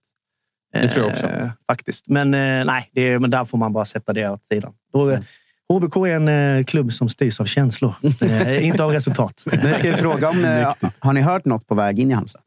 Nej, faktiskt ingenting. Inget Nej, än? inget, inget än. Eh, alltså utöver det med ut, att man Mm. räknar med Ahlstrand. Men nej, ingenting eh, dagens datum. Sen är inte Halmstad jättekända för att göra transfers mitt i säsong heller på det sättet. Eh, Så att det är inte, vi räknar ju inte med någon in, Nej. men snarare någon ut i så fall. Och sen så är det ju så här, det är Ahlstrand, Kasper Karlsson. Eh, nu när Malcolm signade ett ganska långt kontrakt och det känns ju som att ska han göra någonting så kommer han ju gå utomlands för att få testa på Mm. det. Så får vi väl se med Alamari, tänkte jag på också. Det är också en ganska märklig situation. Ja. Han är ju ändå på lån. Han ska ner och spela med, med irakiska landslaget nu. Och så liksom vänta, vänta säkert in anbud, vad som händer där. Hur ställer sig Blåvitt? Om det finns någon roll. Alltså, det är ju med. Han Det har varit en av, att en av de inte- viktigaste. Ja, han har varit så skitbra i, i år igen. Som han var förra gången. Han är ju, passar ju jättebra i HBKs spel. Liksom. Och, Ja, han är väldigt bra tycker jag. Men är det inte sjukt att det, man inte hör fler som rycker i Phil då? Alltså, jag tycker Det är nästan kanske det är hans ålder då. Åldern Ja, emot 31 och det knät. Ja, jo, det är exakt. Mm. Han behöver sin läkare där. Ja, Ni har ju den här Simon. superläkaren. Simon, alltså. Vet, när han spelar på sina bongotrum efter segrar och sånt. Det är fan Det otroligt ska att ju mycket till för att liksom så här, topplagen ska rycka i, i och, alltså, eh, ytterbackar eller spelare generellt som är alltså 30 plus. Alltså Hammarby var väl eh, på Degerfors Giao, alltså hans uttal där. Det är med, med, med reservation för det. Och han är också där någonstans, 30-31 tror jag. Så att liksom, då ska det till att man har fått nej tack från någon ung och sådär för att de här storlagen ska, ska nappa. Men han är ju han har ju varit liksom tillräckligt bra för att spela högre upp i tabellen. Alltså i, något, I någon större klubb, med all respekt. Jag slänger ut, eh, för att göra dig irriterad, att eh, det finns ett krislag vars hela högerkant precis har gått sönder och ska ut och leta i sommar. Vad säger du om Phil i Blåvitt i höst? Fy fan alltså. Det har också varit, alltså jag minns fortfarande, jag var väl eh, 9-10 bast när Robban Andersson gick till eh, Göteborg. 97 måste det ha varit eh, när vi tog SM-guld. Ja, det är alltså, det är, nej, det är få det finns. inte. Sitter kvar Ja, fortfarande. fy fan alltså. Ja, det är ju han är- fint med långsinthet. Det är bra, jag gillar det. Han skulle också vara galen om han tog det eh, steget. Eh, vi ska över till Sveriges just nu bästa lag, då, ettan i tabellen. Eh, Just nu, alltid. Men, Ja, förra året var ni fan kanon. Ja, ja, superbra, men, superbra. men innan vi går in på Malmö, som för övrigt snodde lite pengar mig, ska vi säga att vi är sponsrade av ATG. Där jag ju hade stor lapp på exakt 6-0 till Malmö, så jag satt hemma och svor eh, efter Degerfors-matchen. Eh, till helgen kommer en ny trippel från oss eh, och man kan rygga våra andelar på Big Nine. De säljer alltid slut på typ 20 minuter, så håll utkik på våra sociala medier när de släpps. Atg.se snedstreck tutto. Eh, Spela bara om du är över 18 och inte om du har några problem. För då är det stödlinjen.se som gäller. Eh, Men 5-0 mot Degerfors måste vi ju eh, prata en del om. Framförallt tyckte jag att det var fint att se vilken typ av match det var. Att det blev liksom nästan så träningsmatchgrejen. När det blev ett läge där alla bara försökte få Bussanello att göra mål. Och sen när han till slut gör det så började typ alla garva och vara jätteglada. Och då kände man att det här är inte på riktigt. Liksom. Men vilken överkörning det var. Alltså. Ja, det var det. Och det, man märkte ju också så här, det, det var en speciell stämning på läktarplats också. Att det var verkligen så här att nu ska vi, nu, nu måste vi, så här, okej, Elfsborg, det hände. Vi blev utspelade. Det fanns inte så mycket till snack. Eh, det som har hänt med AC har hänt. Eh, nu ska vi försöka liksom samla oss och ena oss kring laget. Och det, det märkte man ju tydligt då att Degerfors orkade hålla emot. Wow, ska vi säga en kvart och sammanlagt liksom, i, i vågor. Eh, och sen, sen så bara liksom flöt det på. Och just att det blev den starten det blev tror jag präglade matchbilden sen också. Att det var liksom många axlar som släppte och Hugo bara kände att okej, fan skönt. Då, då har vi den och det perfekta slutet och Bolin och Nanasi, Freidi och Ta, då var det Taha Ali, Nanasi och Vecchia liksom för första gången tillsammans. Ingen Kiese och jag vet att många var glada för det. Kallar honom för struts och annat. för att det går så jävla... Det bara står. Vad fan hände där? Nej, jag Eller vad vet inte. Alltså man har ju aldrig sett någon göra åtta mål på fem matcher och sen känna så iskall efter.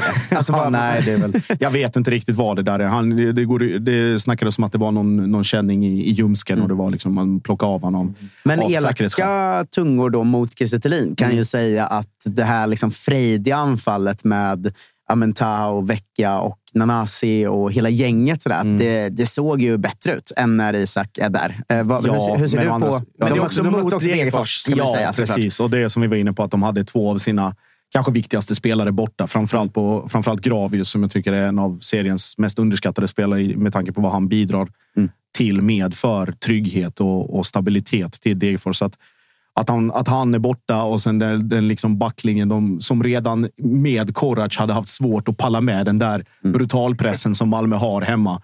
Och när man såg hur de tappade bollen vid både liksom, tre mål av fem. Man sa okej, ja, ja, det kanske inte hade blivit 5-0, det hade blivit 3-0. på Nej, men jag höjd. tänker kanske mer på rörligheten i spelet Ja. och, och hur det ser ut. Att det känns som något som Rydström älskar. Liksom. Och det, det kommer aldrig bli lika rörligt och fort med Kiese. Det fattar ju alla. Ja, precis. Eh, Men, men hur ser du på den? Vill- man testa en match till med, med de här eh, ihop istället för Isak? Ja, men det tycker jag väl. Alltså, nu, är det ju, nu är det ju Värnamo borta i sista matchen innan uppehållet och det är en gräsmatch. Och det får vi se om NS har fått igenom sina klagomål på mattan där, om den är bättre än vad den har varit under den här våren. Men ju, just mot den typen också, så är Värnamo, lite, alltså, de är ju inte heller ett lågförsvarande lag på det sättet, utan de kan ju bryta Ja. och passa sig igenom. Det finns ju skicklighet där. Så att det är väl också en, en, ett test på, på något sätt också att kunna kunna prestera även på bortaplan. Och Värnamo borta är inte enkelt heller. Det ska, man, det ska gudarna veta. Jag tror, det blev ju, jag tror inte vi har vunnit där borta än. Eh, så, eh, så på det sättet så tror jag att det hade varit nyttigt. Sen såklart, Det är ett Cornelius- jävla vapen att kunna slänga in Isak också, ska man inte glömma. Ja, verkligen. Och det är liksom, om det behövs skifflas inlägg så, så vet man att det står någon där. Men det är ju samtidigt, alltså, om man ska vända på det. Cornelius drar baksidan, såg inte alls bra ut. Kan vara, och då är det väl liksom blessing in disguise att uppehållet kommer när det kommer. Att han har tid att och, och läka ihop det. Sen kommer, kommer Jansson. Det pratades, jag, jag såg, något, såg något märkligt rykte om... Eh, En japan, va? Ja, exakt. Takuro Kaneko. eh, otroligt namn. Spelar i Sapporo, högerytter. Ska tydligen vara i förhandlingar med Malmö FF. Eh, får Det står man, man man gräva lite i. Eh, men eh, det är också, men det, det hänger ihop för att Malmö har varit i Japan och scoutat och Ola Ola Toivonen har varit där och chefskatt Robin Asterhed har varit där och kollat spelare på plats. Så att det, det är väl ingen, ingen rök utan eld kanske. Men, men just högerytterpositionen. Ja, räknar man då med att Nanasi ska försvinna också? Att man ska sälja honom? Eller liksom, hur ser man på Taha? Och nu, nu lossnar ju poängprogrammet. Tre assist. Liksom. Det är två poäng mer nu än vad han har gjort på ett och ett halvt år Han i var så Helsingborg. jävla bra. Ja, han var senast. fantastisk. Och det, det är liksom just den här frejdigheten att alla verkligen bara släppte på handbromsen. Så det, det kommer ju hända mycket, men just, just att det är kanske Värnamo som är i den sista matchen borta innan uppehållet. Att man tänker att okej, och så är det inget Europa och sen kommer Jansson. Och så får man liksom prata igenom med, med gruppen och, och allting sånt. Vad, vad kommer det betyda? En kapten försvinner. Nu kommer väl säkert en in. Eh, Lasse Nilsen med bindeln frågar mig fortfarande. Jag fattar inte vad fan ska han, vad han ska med den till. Eh, och, och sådana saker. Ta av dig den där, Lars. Ja, lite så. Ta av den snabbt som satan. Eh, och då, som vi var inne på, just att det är internationell kravbild som kommer in. Alltså det, Om man tycker att Malmö har sett bra ut och pigga ut och det, liksom, det finns en, ett go och eh, ett driv och, och liksom en helt annan glädje än vad det gjorde förra året så tror jag att det här kommer skruvas upp betydligt nu när, när Jansson kommer hem och, och det kommer märkas, om inte på träningsplanen så kanske i, i just det här. Jag tyckte det var ganska intressant att just de här, om vi pratar om eh, situationer som Anders Christiansen har varit ledande i, det vill säga ta snacket med domaren. Det var ju två straffsituationer här med Adam Ladebäck där han friade helt. Och jag såg liksom ingen riktigt som gick fram och tog det snacket med domaren på det sättet som AC har gjort. Eh, Så det blir väl också intressant att se vem, om det blir Jansson som ska ta maxlöpet från 40 meter för att snacka med med Kristoffer Karlsson, Bayern borta liksom, eller sådana saker. Så Det har han ju i sig. det är klart han har och så vet man att han har minst tre onödiga varningar på grund av snack. Men jag tänker vi ska, vi ska komma in lite på perioden när podden kommer också. Men jag tänker några enskilda man fastnar vid den här matchen. Dels, Hugo har vi redan pratat om Bolin, men lite Ja. till måste vi faktiskt ha. Att, eh, han ser ut som en komplett spelare. Alltså, vilken match han gör, Hugo Bolin. Jag tycker han gör det, han gör det alltså en fem av fem insats. Mm. Eh, just också, alltså det, är lite, det är tacksamt att göra det mot, mot Degen som klappar Mm. ihop liksom totalt efter 1-0. Men att han liksom bibehåller den nivån och fortsätter och knegar och liksom pressar på och hittar alltså Han ser så otroligt liksom synkad ut med resten av Så laget. galet eh, initiativtagande också. Alltså det här Verkligen. som, som Rydström tjatar om sina fria fåglar. Liksom. Han kändes ju exakt som den spelaren. Som Mm. när han fick feeling gick in i straffområdet och drog tre man. och sen, alltså, Ja. Att Han kändes eh, där. Alltså, det var ju bara, men han kan ju starta varje Ja, men det, match. var, det var en självklarhet som man kanske inte har associerat med spelare som har kommit upp. Från, alltså det har ju varit ett glapp eh, från Malmös akademi de senaste åren. Att de som har kommit upp har inte riktigt... Liksom, det fattas det sista Ja. lilla. Och där ser man ju att året i BK Olympic har gjort honom jävligt gott. Alltså. Ja. Det, är, det är en jättebra brygga över som, som, som de har hittat där. Och jag vet att de var nöjda med honom där redan förra säsongen. Eh, Att han, hade liksom, att han sta- stack ut på träningar och på match. Och vilket, när man ser honom nu så blir det bara liksom logiskt. Att säga, Mm. Wow, vad, eh, vad en sån eh, säsong eller en sån tid i Olympic kan göra för en spelare. Exakt. Och då positionsbytet som jag tycker var väldigt viktigt i Olympic. När han kom dit, eller när han kom dit så har han spelat liksom i U17 och U19 på en kant. Vilket är, om du tittar på honom nu, man tänker hur i helvete kunde han hamna där ute? Men då tänker man att ja, men han är bra en mot en och kan bryta mönster och göra sådana saker. Den här, den här spelaren är född att spela centralt och det såg alla med två ögon i huvudet i den här matchen. Så på det sättet, men också intressant om vi pratar liksom Hugo och Hugo. Hugo Larsson kom egentligen från ingenstans. Ingen räknade med att han skulle upp i A-laget på det sättet som han gjorde. Det var ju Milos. Som plockade upp honom. Milos plockar upp honom och säger så här, du ska inte till något U19 någonstans eller du ska inte vara kvar i något Olympic. Du Ja, ska med oss till Marbella. alltså. Mm. Och samma med, med Bolin, att Mesut Meral som nu är i AIK kommer till Olympic bara, varför har du spelat i, på en kant i resten av i hela ditt liv? Nej, jag vet inte. Här, in i mitten.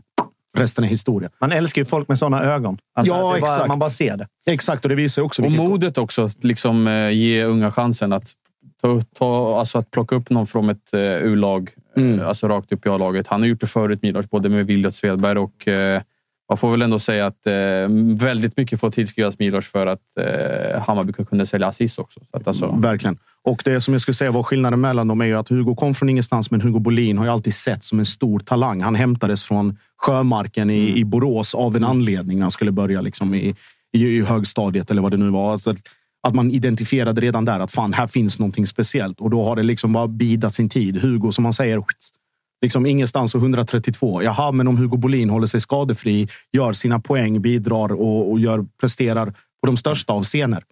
Gud vet vad den ribban kan. 600 miljoner säger du alltså. Minimum.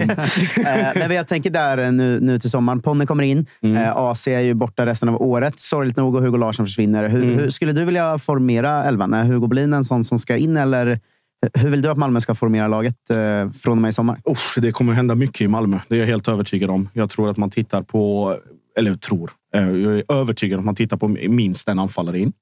Eh, Jag tror att även om Malik, kultspelaren Abubakari har, har gjort tre mål på 390 Ligamästare. Ligamästare i Slovakien. Helt sjukt stats för övrigt. Att han, blir liga, han, han tar en titel var sjätte månad sen han kom till MFF. Så det är ju faktiskt gåshud.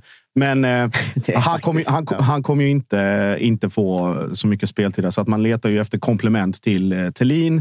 Eh, Det är ju sexan har ju varit då Hugo Larssons ersättare. Man har ju kopplats ihop med Otto Rosengren. Men frågan är om det är han eller om man ska ha ytterligare spets för att säkra, liksom, vara helt hundra på att få det här guldet.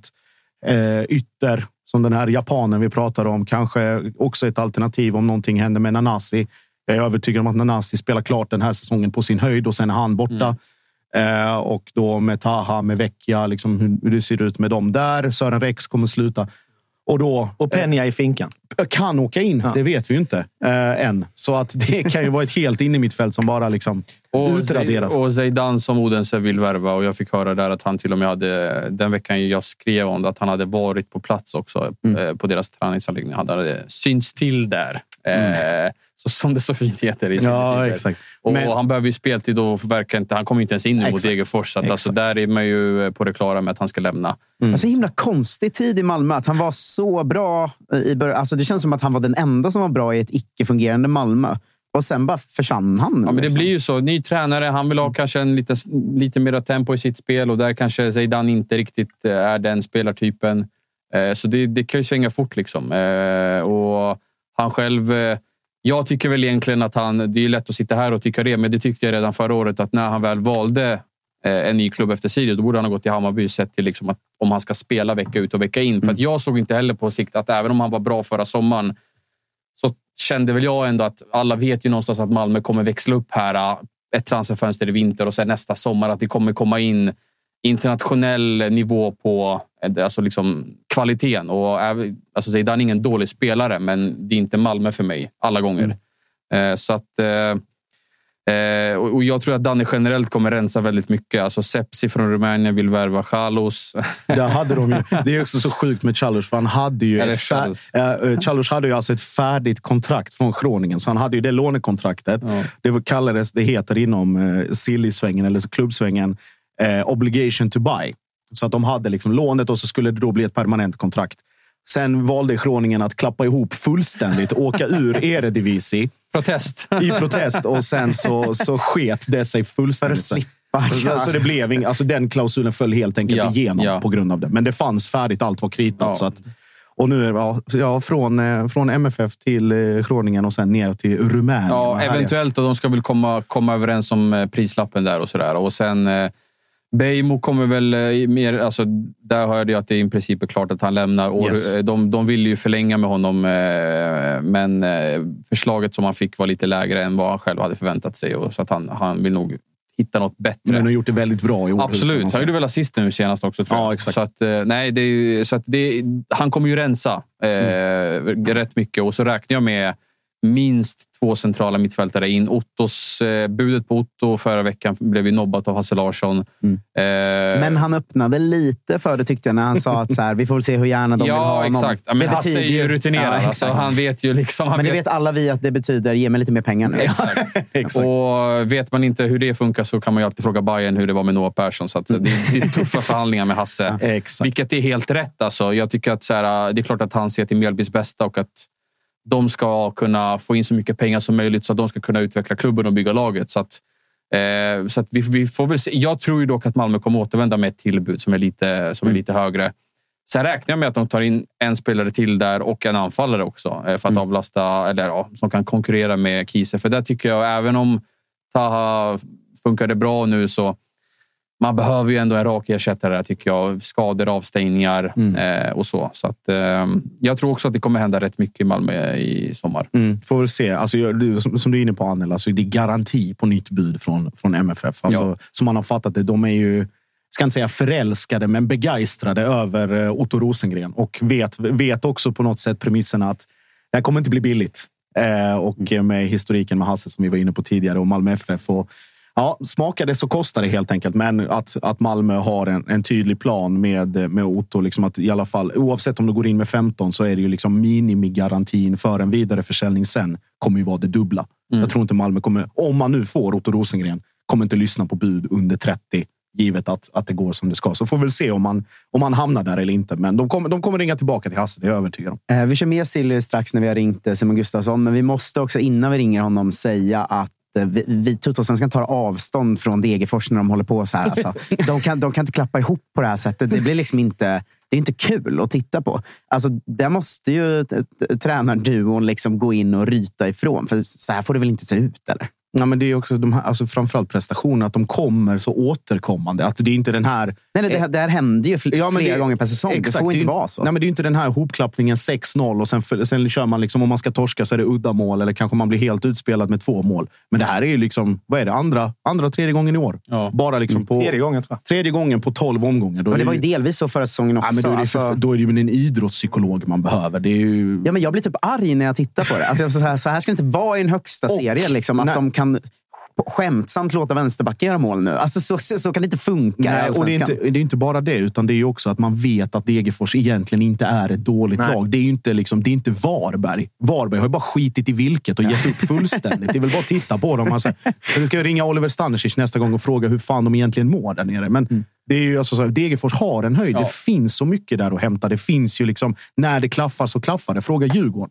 De vet väl allt om hur det är att, att Ja, ja, de, är inte, de är inte ens så neddragna i ut, eh, utflyttning, eller på att säga. Nej, men, alltså, eh, men, att, bottenstriden, men liksom. som du säger, alltså, det är så, att det är en sån hopklappning återkommande. Det är, det är ju liksom ett, det är ett psykiskt problem. Ja, ja, ja, vi får ringa Davva eh, eller ta in honom i studion och fråga. Nu ska vi ringa Simon Gustafsson. Det ska vi göra. Det ska bli eh, kul. Comeback ju. Och eh, vilken, vilken förstärkning för Häcken att få in honom också. Ja, och så åkte han ut där. Ja, exakt. Otrolig skallning. Eller ska vi prata om skallning? Kan vi. Vi, kan, vi kan ju... Tjena! Tjena Simon! Vi, vi kan ju börja där, tänker jag. Att, eh, eh, den här skallningen, var den så farlig tyckte du från sidan? Du kallar det ändå skallning? det var ju eh, Nej, jag vet inte. lätt lutning på huvudet. Ja, exakt. Känns mer eh, korrekt beskrivet tycker jag.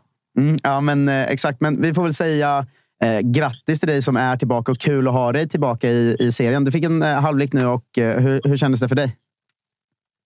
Tack så mycket. Jo, det kändes bra. Det är ju eh, kul att få få tillbaka så man får med och spela lite och inte bara eh, jobba på och gnugga. Så det är givetvis jävligt kul.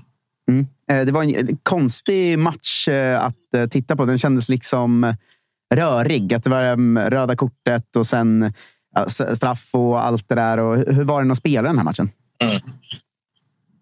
Ja, men den var ju ganska rörig och den, det blir ju... Ja, I den här typen av, av match så blir det ju väldigt sönderryckt ofta och det är precis det som, eh, som liksom vi vill, eh, vill, vill undvika och det som de är ute efter på något sätt. För om matchen bara flyter på och det blir liksom mycket fotboll av det så, eh, så är det såklart att det är till vår fördel. Så det blir ju eh, liksom ryckigt och, och mycket kamp och dueller och mycket eh, mycket situationer som är på gränsen eller över gränsen och sådär. Så det är ju, ja, det handlar om att liksom försöka hantera det på bästa sätt, men det är inte alltid det lättaste tyvärr. Eh, Jag tänker på just, just som du säger att det rycks sönder och att Varberg eh, var väldigt utstuderat att de skulle sätta, sätta er ur balans och vara på er och, och vara jävliga i största allmänhet. Mär, märker du att, att det är någonting som andra lag också gör mot er med tanke på förra året och, och, och nu i år? Att häcken, häcken är en toppkandidat, eh, en guldkandidat och ska också behandlas därefter av de lite sämre lagen. Ja, ja, alltså, till viss del. Jag tycker väl, alltså, generellt sett så är, det ju, så är det ju ganska logiskt att man försöker... eh, Ja, om, om man på något sätt känner sig underlägsen eller sådär i matcherna så försöker du ju att, att manipulera matchen till din fördel på, på ett eller annat sätt. Så det är liksom ganska logisk taktik bakom det. Ju. Eh, Sen så vet jag inte om det är, om det är speciellt mot oss, men det är väl...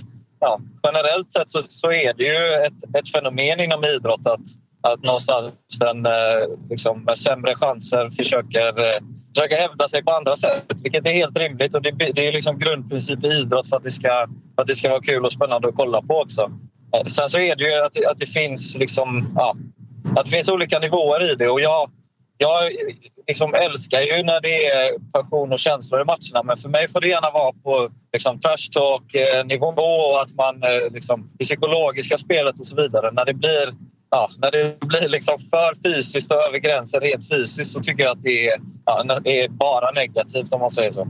Mm, för det blir ju en logisk följdfråga av det då. Alltså, varför, alltså just med Häcken och så här. Ni har väl inte varit tidigare i alla fall, fram till du och brorsan kom tillbaka, kända för att liksom vara hetlevrade och, spe, och liksom spe, om någon spelar fult, att man spelar fult tillbaka på det sättet. Eller att man tar diskussioner eller ger sig in i polemik på något sätt. Att det känns som att efter att du och brorsan kom tillbaka med era erfarenheter och att ni har det, liksom, det internationella i den här liksom, dialog eller kontakten med motstånd och, och med spelare. Att man har klivit upp. Man har blivit liksom li, lite, eller lite, ganska mycket hårdare, tuffare och, och fulare i viss mån också.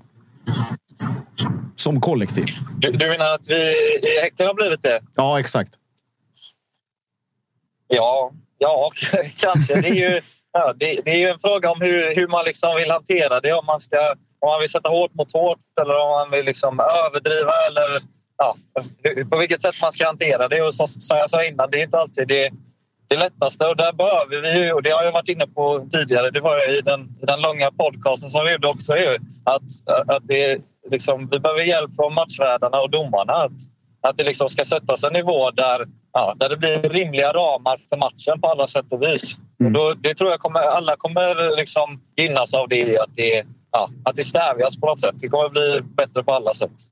Eh, Jag en tanke utifrån man har nu när du är tillbaka är ju hur eh, fan ni ska formera. Eh, För att jag tycker att Amanda har varit otrolig under våren. Samuel och Rygaard behöver man inte ens prata mer om. Liksom. Det, vet, det vet alla. Men går det att få in er alla fyra på plan på något sätt? Alltså flytta upp någon? Eller hur, hur, ser, hur ser du på den grejen? För ni är ju fyra som håller toppklass där på mittfältet. Ja, det går väl. Det är liksom, te, teoretiskt så går ju allting. Eh, sen så är det väl eh, framförallt, framförallt en, fråga, en fråga för coach att, eh, ja, hur, hur han vill göra det. Men det är klart att, det, att eh, man kan göra det på många olika sätt. Eh, nu om du kommer tillbaka helt i spel så eh, är det dags för Benny att säga hej då till straffarna också va? Ja, jag ska försöka, ska försöka vinna den kampen faktiskt. Ja. Eh, jag tänker nu, det, det väntar ju en eh, spännande sommar. Champions League-kval och eh, toppstrid i allsvenskan. Hur ser du på, på den situationen? Måste det breddas och komma till något mer? Eller tycker du ni har, ni har grejer på plats för att slåss på två fronter och göra det bra? Jag tycker väl i det, i det stora hela att vi har väldigt goda förutsättningar. I- och med att vi har fått i princip behålla hela vår trupp från, ja, från hösten och eh, dessutom fått in lite och eh, många unga, unga spelare som har tagit nästa, nästa nivå och verkligen utvecklats vidare och så där. Så det är väl kanske framför allt då att försöka bli lite mer skadefria, att få tillbaka eh, några gubbar som har varit skadade och, och försöka undvika dem i framtiden på något sätt. Då tycker jag att vi, ja, att vi är väldigt väl rustade utifrån eh, ja, vårt sätt att se det i alla fall. Eh, jag tänker där just att det, det är nästan svårt att döma den här våren för att det har varit så mycket skador. Alltså det har varit så mycket sönderryckt av skador. Men ni har ju hakat på bra och spelat, spelat väldigt, väldigt fin fotboll. Tycker du, alltså är ni bättre än ni var i fjol? Ja, eh, ja, men det tycker jag väl. Alltså, och det, det, det, vill jag väl tycka också. För att, att jag tycker inte att vi är på något sätt färdigutvecklade nu heller. Utan jag tror att vi, ja, att vi med, med det gänget som vi har nu, att vi kan, kan liksom, ja, bygga vidare på våra, våra relationer och, och ja, också rent individuellt. Som sagt att vi har många, många spelare som jag tror kan bli ännu bättre med, med fler matcher och mer tid om man säger så. Eh, så, så ja, jag vill väl svara ja och, och säga att jag tror vi kan bli ännu bättre. Mm. Eh, jag tänker det är Mjällby hemma nu, sista innan uppehållet. Blivit lite av ett hatmöte. Eh, det är mest, mest brorsan, brorsan och Hasse Larsson som har dragit igång det där. Men med Samuel out så antar väl vi här att det blir första starten för dig. Är du där? ja, det tror jag. Det beror lite på hur, hur veckan går nu och sådär. Mm. Sen så hoppas jag fortfarande att de, att de ska på något sätt kunna dra tillbaka det här röda i och med att jag inte tycker att det var det. Och det verkar finnas stöd för det också i, i, eh, i andra kretsar. Så jag lever fortfarande med hoppet att han ska, ska kunna spela. Och, eh, ja, och om allt går som det, som det ska i veckan så tror jag att jag är redo att spela 90 också. Mm. Eh, har vi något mer, Josip? Nej, jag tänker bara på hur Hasse ska hantera dubbla slynglar istället för en slyng. ja, det blir inte lätt hanterat. det kan jag tänka mig. Men det måste varit eh, lite speciellt för truppen att följa det där liksom konstigt mediala kriget mellan liksom mittfältare och sportchef. Alltså, hur, hur var det för er, er andra? Ja, jag vet inte om jag vill in och gräva i det igen, men, men media är ju, är ju starka där. Ju. Det blir ju mycket på medias premisser på något sätt. Så, så jag vet inte om, om det är varken mittfältaren eller sportchefen som liksom hade någon superroll i det egentligen, utan det blev mer ja, beskrivet ur, ur någon slags tredjepersonsvinkel som ja, enligt mig blev lite snedvridet, men vi, vi ska inte in och gräva i det igen. Ja, men det, det är bra. Då vet jag i alla fall. Nu är Anel i studion. Han har varit väldigt försiktig. Han har bara samlat rubriker här för eventuella mediala grejer. Långa rewrites från Expressen sen. för, den här, för den här intervjun. Men jag tänker jag vill ändå ta eh, anfallet där. Det har ju formerats lite olika på grund av liksom skador och sånt. Men eh, Traoré har ju han har ju lossnat för oss alla. så att säga. Vi alla tänkte ju att han kommer nog göra mycket mål i år, men satan vad bra han är. Det måste vara kul att spela bakom en sån, en sån anfallare som honom. Ja, absolut. Han har ju, han har ju verkligen haft en, en fin kurva nu och Eh, också liksom bara rent mänskligt eh, jävligt kul att efter hans, hans skada och den eh, rehaben som blir utdragen och lång och mycket, ja, många utmaningar att han, att han kan komma tillbaka och liksom, ja, röra sig som han ska och känna sig frisk och hel och, och liksom sådär. Och då, då är det en väldigt bra spelare som, som ja, har många växlar till tror jag. Så det är klart att det, ja, det, är, en, eh, det är kul. Har ni ställt in er på att vinka av honom här efter sista matchen? Det känns ju nästan som att han är, han är på G ut.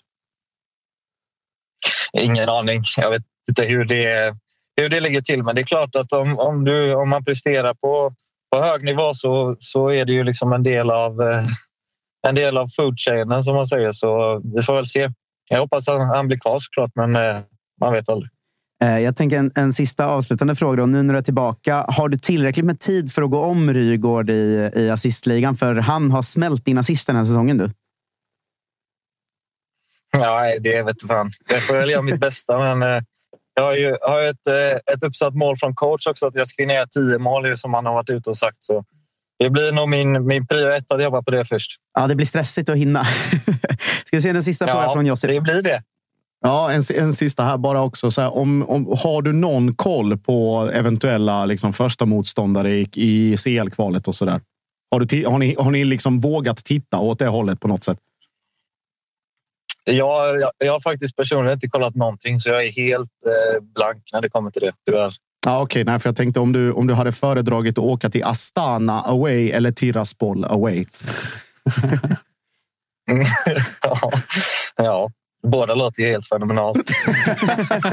mycket, mycket diplomatiskt. Tack ja, snälla. Vi får, vi får ringa och köra någon sån uh, reserapport sen när ni är där ute. Hörru, Simon, lycka till med, uh, med både Champions League och allsvenskan och allting. Och ha det fint så hörs vi. Tusen tack. Ha det gott. Ha det fint. Detsamma.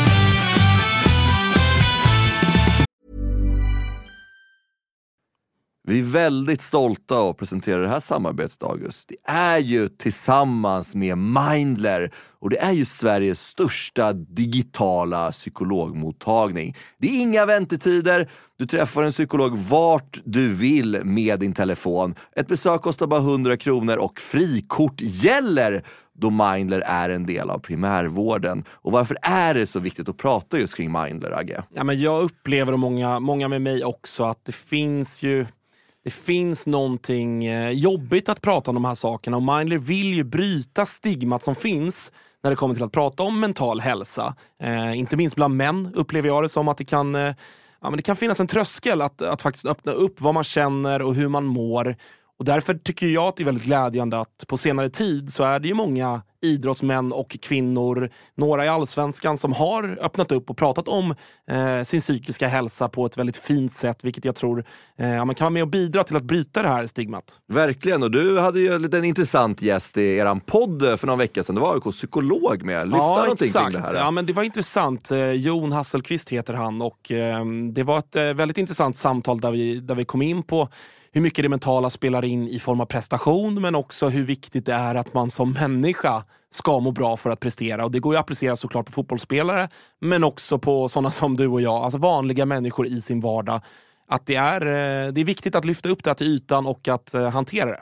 Verkligen, och känner ni att ni vill ha någon att prata med så finns ju Mindler där för er. Och det som är så himla bra är att du väljer själv vilken psykolog du vill prata med och du kan byta om du känner att ni inte riktigt klickar. Och Mindler finns ju för alla som är plus 18 år. Så gå in på mindler.se och läs lite mer och boka din tid hos en psykolog redan nu om ni känner att ni behöver liksom hjälp kring det här ämnet. Stort tack till Mindler. Vi är glada att Tuttosvenskan görs med våra vänner på HelloFresh. Och många där ute, inklusive oss, börjar kika på att använda mer växtbaserade och hållbara ingredienser när det kommer till just matlagning. Och nu har våra vänner på HelloFresh via sitt nya samarbete med Oatly nöjet att presentera massa nya rätter på veckomenyn med just Oatlys havrebaserade i-mat. Och varför i-mat, Dage? Ja, men det är väl kanske en fråga man ställer sig, men det är ju så att det är en ingrediens med 61 procent mindre eh, CO2-utsläpp och 83 procent mindre mättat fett än traditionell grädde. Så det är ett väldigt bra substitut. Ja, men och denna vecka så har vi kollat på HelloFresh hemsida och eh, botaniserat lite kring recepten som innehåller just i-mat. Och min tydliga, tydliga favorit är den soltorkad tomat rigatonin som ju har då lite soltorkade tomater, det är körsbärstomater, det är rucola, zucchini, riven ost Ja, men ni hör, en väldig massa smaskiga grejer som blir en krämig pasta. Just att använda rigatonin, Freddy, som jag vet att du gillar också, som just suger upp all den här såsen. Mm, den är en favorit hos mig. Verkligen, och jag gick faktiskt händelserna i förväg och testade redan förra veckan deras medelhavsinspirerade räkgryta med just i-matsåsen och sen lite, lite, lite fint långkornigt ris. Eh, och Agge, vi har ju som vanligt en kanonkod också med våra vänner på HelloFresh. Den, den, den, jag hoppas att folk kan nu. Ja, det är ju Fresh Tutto. Du får upp till 1359 kronor i rabatt på dina fem första kassar om du inte har prövat HelloFresh ännu. Plus fri frakt på den första matkassen. Och det som är så bra, har du inte använt HelloFresh på över 12 månader så gäller koden även dig. Så gå in på hellofresh.se och lägg en beställning på en riktigt fin matkasse redan nu. Testa HelloFresh, testa Oatlys i-mat. Vi säger stort tack HelloFresh. Vi är sponsrade av eh, MQ, August. Eh, Mm. Det har varit, eh, vi har gått nu hela säsongerna. Först vinter och sen så förvår när man ska ha overshirts på sig. Man kanske vill ha en liten fleece. Och nu äntligen är försommaren här. Och då kommer också Dobbers nya sommarkollektion som de kallar för Sunset Horizon Club. Den här spången är inspirerad av surfen. Just det. Det, det, det är väldigt... så här, Om, Vad har du för relation till surfen? Ja, men stor relation. Varit i Brisbane eh, ser. och eh, där är mycket windsurfing. Sen så ner till Byron Bay där, där jag testade på vågsurfing. Och sen höll jag på att stryka med på, eller utanför Kota Beach då, när det kom en sju meters våg och tog mig. Ja. En minut och 30 sekunder senare så hittar jag upp till någon slags yta. Skrapsår överallt. Den här kollektionen är då inspirerad av eh, surfen. Det kan man se i silhuetterna. Det är väldigt trendy att eh, gå i lite mer raka silhuetter nu för tiden. Du gillar den? Ja, men jag gillar den. Eh, jag tänker att vi kan prata lite om de olika nyckelplaggen som ju finns här. Det är ju eh, knälånga shorts till exempel. Skjortor med print och lite brodyr i lite olika färger som jag tror kommer vara ett eh, stående inslag på inte bara Stockholms gator utan Sveriges gator när sommaren kommer. Vi har också en hel del overshirts till de lite ljumna sommarkvällarna. Sen så gillar jag en trend som har kommit som också hittar in i Dobbers eh, sommarkollektion här som är sets med både shorts och overshirt. Exakt. Kortärmad overshirt som man Mm. kan gå, gå runt i. Jag, jag gillar det. Så är det. Och även eh, linnet. Det är mycket olika typer av eh, texturer och material i den här kollektionen. Linne står sig fortsatt starkt, men det finns också en eh, he- hel del tencellskjortor och, och annat. Bomullsutmanaren Tencel. Ja. Om ni inte har testat det så kan jag rekommendera. Väldigt mjukt, luftigt, härligt. Ja, men så är det. det finns någonting för alla. Hur gör man då för att handla det här, Thomas? Jo, man går in på mq.se eller så besöker man sin närmsta MQ-butik. Eh, Där hittar man såklart eh, Dobbers sommarkollektion som alltså heter Sunset Horizon Club. MQ.se eller någon av butikerna. Vi säger stort tack till MQ. Nu tänkte jag att det är dags eh, att skicka ordet till vår utrikeskorrespondent. Hur är läget i Prag? Det börjar ta sig nu. Eh, Spångberg har tappat bort. Jag vet inte vart han är någonstans. Men. Nej, men, eh, har, är det körning i chatten idag? Ja, det är det. Alltså, jag, jag garvade innan. Jag fick ett alldeles otroligt... Vi snackar väldigt mycket mat i chatten idag. Eh, då- Alltså Carl Olander beskriver hur hans tacos såg ut när han var liten. Det här är det värsta jag har hört i hela mitt liv. Det är alltså inom, ja, tacokött, vad det nu är. Ost, ost tomat, gräddfil och ketchup. Ketchup? Ja. Karl Olander. Nej, blir det, det, det blir en block där direkt givetvis. Ja. Ja, antar, jag tycker man, såna där galningar i chatten ligger liksom alltid mellan block och någon slags hedersutmärkelse. Ja. Men jag tänker att vi ska hinna städa lite mer silly season. Eh, Du var ute Anel, med Paconate till Bayern. Eh, Har du mer eh, om det? Eller hur, hur konkret börjar det bli? Eh, han är aktuell. Han finns med på listan. De värderar honom. Eh, jag tror nog att han... Eh, jag skulle väl tippa på att han ligger rätt bra till bland de här eh, kandidaterna på, sin, på den här berömda listan. Eh, grejen är väl bara att de behöver göra sig av med lite spelare först eh, innan de kan... Eh, och det är inte så att de behöver sälja en vänsterback utan de behöver sälja spelare generellt i laget innan de kan kanske börja agera. Och han är ju free, eh, bossman och har brutit med Botev Plovdiv här. Så att, eh, vi får väl se hur, ut, hur det utvecklar sig. Jag vet att Hammarby är intresserade och att han är aktuell och att de värderar honom just nu. Men har väl kanske lite andra prioriteringar också. Eh, eh, göra sig av med spelare och ta in en anfallare vet jag att de också vill. En nia. Eh, sen... Eh, Alltså ytterbackarna är ju så pass centrala i Martis spelsätt. Alltså vi har ju sett det här med Simon Sandberg och eh, Jahaz också. Att, eh, de, har ju liksom en, eller de har ju så pass stort ansvar liksom i det offensiva att eh, jag tycker att skillnaden är ju markant mot liksom, eh, förra året. Sen är det väl kanske lite orättvist att jämföra Strand och Marcus Karlsson mot Simon Sandberg och, och Jahaz, men de behöver ju uppgradera där. Eh, Men det är ju ett sportcheferi som vi ifrågasatte en del i vintras också. Att, att ytterbackarna som kommer in är Simon Strand och Anton Krall. i- ja. Det, det känns inte riktigt på nivån och det har väl också visat sig inte riktigt vara på rätt nivå under, under våren. Ja, absolut. Eh, Det blev ju så till slut att ju längre eller ju närmare säsongstart de kom, de kom så blev det ju liksom att vi får ta det vi kan få här. Eh, Men utgångsläget var ju att försöka få Noah Persson till vänster och eh, Bryce Wembangomo från både Glimt till höger. Och hade de fått de två, då hade de ju alltså på förhand haft eh, toppklass eh, på de pos- positionerna. Men sen var det liksom Bode för, för jobbiga. Alltså Bryce är landslagsman idag. Han blev uttagen till Norges landslag nu i veckan tror jag.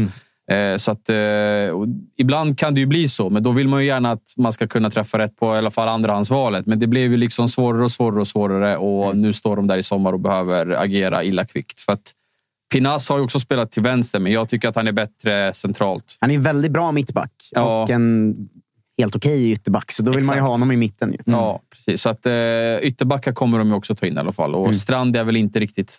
Alltså, det är inställning, han är lojal, det är en bra back, men det är inte Mm. Bayern eh, i form av det här offensiva kanske. Han har ju inte landat riktigt i Cifuentes spel. Det tänk, tänker man ju faktiskt på när man, när man tittar på Bayern så sticker det ju ut när han...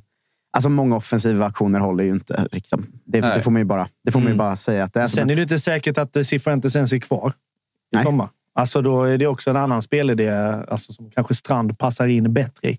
Mm. Det vet man ju inte. För att han håller ändå nivå. Sen är han ju inte, som du säger, som förra året. Nej, men jag, eh, tänker, jag har en tanke om Hammarby som jag undrar om ni delas med. Att det är en ganska bred trupp av liksom, tre plus-spelare. Att det känns som det är så himla få som är över tre, också ganska få som är under tre. Men att det är liksom en hel trupp som är byggd bara på ganska bra allsvenska spelare. Delar ni den eh, bilden? Liksom? Ja, men det, det skulle jag väl säga att jag gör. Eh, Det är liksom man tänkte, eller från Bayerns håll var, vet de var en typisk liksom fem plus spelare som man ville ha in. Och man hade, alltså, hade, som du var inne på, Wemman Gombo och Noah Persson. Det är också liksom fem plus. Ja. Om inte, och Noah kanske fyra, men Wemman Gombo de, definitivt fem plus. Så att det var, det, man har ju hamnat där just på grund av att man inte har lyckats nå i mål. Och det som har varit då alternativen eller backup eller liksom det man fick i knät på något sätt har ju inte varit tillräckligt bra. Så att man blir ju också lidande av det på det sättet. Sen om det är, om det är Martis fel, om det är Jesper Janssons fel, om det är liksom styrelsens fel som skulle skjutit till ännu mer pengar. Om det är tvistade i lärde. Alltså det är väl, det är väl liksom alla, alla takes just nu är väl lika bra eller dåliga som någon annan take i Bayernled. Men jag vet inte. Det är väl, man har väl det är just den spetsen. Alltså just varför man ligger tia och inte tre eller fyra är ju på grund av att de här fem plus-spelarna, om man i alla fall hade haft en, då hade det ju varit något. Absolut. Nu finns ju... De blev ju av med ett gäng 4-5 plus-spelare också, Också. ska man ju säga. Exakt. Men, men såg ni eh, Berishas match nu i Norge? Eh, han kom in på plan till inkastade sedlar och ormar. Gick ju och körde den här eh, håll för öronen-tecknet mot publiken. Bakom Man var såhär, mannen du har inte gjort mål sedan augusti. Han, han har inte gått bra alls. Nej, alltså. det, går ju katastrofdåligt för honom där, Ja. eh, där nu. Så det var, det var väl en kul att de på något sätt duckade när de sålde, sålde tillbaka honom ändå. Mm. Jag tänker AIK har varit lite snack om. Eh, Snacket har väl framförallt cirkulerat runt att det ryktas om att Jens Gustafsson var på plats eh, på matchen senast och att eh, ja, det snackas ju såklart brännan out som det gör när en tränare ligger där han ligger med AIK. Har ni hört något mer där? Eh, alltså att han är på plats och kollar AIK skulle jag väl inte... Alltså jag tycker inte att det är anmärkningsvärt alls. Alltså när han var arbetslös så var ju han titt som tätt på Djurgårdens träningar och på Tele2 och kollade både Hammarby och Djurgården. Så att han är i stan, han går på fotboll, han bor ute i Huddinge. Alltså, det är liksom, sen, sen är det väl liksom vida känt att han i AIK-kretsar är ett extremt uppskattat namn. Men eh, jag har ju, alltså han har ju en utköpsklausul vet jag, på runt 7 miljoner kronor tror jag, omkring där. Vi tror att han inte blir sparkad ändå. Det Nej, var ju mycket kampanjande Ja. om det under våren, men då hade det väl kommit ut nu? Ja, exakt. Precis. Och då gick de ju... Du, jag minns den där banderollen från kortsidan och då hade de torskat två raka, tror jag, eller tre raka. Och då var det liksom så här, man, då tänker man ju, fan, alltså, snacka om hög kravställning. Alltså, det är ju illa, men alltså one way ticket efter tre torsk eller Ja. två torsk, det är liksom... Det är tålamodet är ju inte på topp i de Nej. ligorna alltid. Men de slutade ju fyra och de var ett VAR-beslut från att komma trea. Mm. Eh, vilket de, de kvalade till Europa. Eh, han tjänar det dubbla i Polen. Alltså rent ekonomiskt så ser jag inte varför han skulle ta AIK i det här skedet. Mm. Eh, men man vet ju aldrig. Men jag har inte hört att, att AIK ska liksom, eh, vara i några förhandlingar med honom. Det kan jag inte säga att jag har hört. Eh, men som sagt, det svänger extremt fort här och det svänger fort utomlands så att man får väl hålla den dörren öppen. Eh, Men eh, jag har inte hört någonting i dagens datum i alla fall. Övrigt i AIK är det ju chefscouter och mittbackar Ja. som, som de är ute efter. Eh, vart ligger vi där just nu? Björ, eller Fredrik Wieser Hansen är klar. Kommer presenteras inom de närmsta veckorna. Jag Alltså ganska ung norsk Ja, scout. exakt. 27 bast. Han plockades in en gång i tiden av eh, Berntsen i Sarpsborg där han har varit jobbat i sex år. Kommer från Vålerenga. Han har varit talangscout åt FC Köpenhamn och jag tror, om jag inte har helt fel, också har haft något ansvarsområde för Atalanta i Skandinavien. Det vill Eh, säga Stig Torbjörnsens diametrala motsats. Exakt. Eh, så är det väl. Eh, En scout helt utan magkänsla. Fan vad skönt. Han är klar, så där kan aik vara lugna. Och sen snackas det... De vill ha in minst fem spelare. Eh, jag vet att de vill ha in en, en eh, ytterback som kan täcka båda kanterna, en mittback, eh, en sexa, en åtta, en nia. De har varit på Björn Utvik. Eh, Ingenting liksom att det, är, att det är nära, men han är högt upp på listan. Får de inte honom i sommar så kommer de försöka ta honom i vinter när hans kontrakt går ut. Det är jag rätt säker på. Eh, vi får väl se om Sarpsborg... Han är ju start i Sarpsborg och startar för Billborn. Så att säga. Vill de släppa honom? Eh, Vålerenga vill också ha Utvik, men jag, jag fick höra att eh, han är mer så här... Jag, ska jag lämna Norge, då vill jag gärna testa något utomlands. Och liksom AIK kontra Sarpsborg, det är rätt stor skillnad där Mm, i klubbstorlek och fanbase och så där. Så att han ser AIK som en bra utmaning. Eh, så att eh, vi får väl se vart de landar i mittbacksfrågan. Eh, och Eh, sen, sen behöver de ju, de, de kommer ju behöva släppa spelare också, så jag räknar med ett gäng spelare out. De här som inte spelar. Elias Dormas kanske, eller liksom, vad vet jag. Eh, eh, fan, hjälp mig. Alltså, Fischer här som har ett lån. Han levererar inte, han kostar. Kanske att man bryter där. eh, Det känns ju som situationen förändrats lite med Jimmy Durmas, som många skrek om att riva kontraktet i sommar. han sig. Eh, nu skadade han sig, ja. Men, blir borta men, eh, ett tag, va? Några Ja, veckor. ett par veckor. men med de matcherna han gjorde här Ja, ja. innan skadan så känns ju inte rivkontraktet skriken lika höga längre. För jag tycker han det ganska fin ut. Ja, nu väl de här två matcherna fram, eller då fram till han skadade sig är väl hans bästa sen han, sen han kom, by far. Eh, sen var det väl prat om eh, Sauli Väisänen och där var väl inte AIK lika hype på att, Nej, att men de är väl dörren. lite i den här eh, positionen i fotbollsvärlden nu där alla vet att AIK vill förstärka jättemycket. Så att de kommer bli erbjudna väldigt många spelare. Ja, det strömmar in alltså, sådär, och, eh, ja, Vi alla som gör eh, content runt Silly kommer ha mycket att säga att nu har AIK erbjudits den och den och den och den. Men så blir det ju när man är i det här, Ja. det här läget. Men det är också lite prekärt läge för de klubbar vet att de kan ta det bra betalt av AIK nu. Ja, verkligen. Och de kommer ju ha en, en krigskassa här att spendera. Och det jag tycker är lite konstigt för AIK som klubb är att man har liksom satt sig i en position där Thomas Berntsen ska rädda klubben från eh, liksom superettan. Och då är det riktigt, riktigt, riktigt illa. Eh, det är liksom det är one man show lite grann. Det är klart att han kommer jobba med brännan tight om han, får- om han får vara kvar. Men Det är lite läskigt när man hamnar där att Ja. all tilltro är på en person i en så pass stor klubb. För så tycker jag faktiskt tonen är från supporterhåll också. Att nu litar vi på han. Han får lösa det här. Liksom. Ja. Det, det är ett en jävla, jävla hatt. Ja, verkligen. Och det vittnar ju också om att eh, allt man har gjort under vintern, det har ju liksom, alltså, de har inte haft någon plan för det. Jag kan ju sträcka mig till att de har haft en plan till att de har varit Faraj, Rui Modesto under Jurelius. Men sen eh, att efter det så har det bara varit liksom så här affischnamn och alltså Keita, eh, Fischer, eh, Dormas. Alltså Dormas har gjort två bra matcher nu. Han är i grunden tror jag en väldigt bra spelare, men jag vet, inte, jag vet bara inte tycker, nu handlar det inte om vad, vad, vad jag tycker, utan tränaren i form av Brännan. Tycker Brännan att han passar i spelsättet och så vidare. Så att eh, där, där borde ju Manuel ha haft en mycket tätare dia, dia, dia, dialog med eh, framförallt Brännan. Så här, vad, vad, vad är det du vill ha? Vilka spelartyper och så. Men det har han inte gjort. Alltså, det har Så- varit...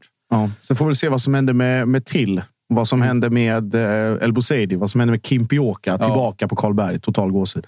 Eh, så att det, liksom, det, det finns ju grejer att göra där också, som du säger. Alltså, Ja. Det ska inte bara in, det ska ut. Också Men man ser ju mycket. verkligen eh, framför sig liksom typ tre fönster där nästan allt ut och väldigt mycket nytt in. Det är ju att han kommer till en klubb som AIK och så här, ja, men nu ska vi ta in norsk träningskultur och det ska tränas hårt och dubbelpass och göras rum här de kan vila och allt det där.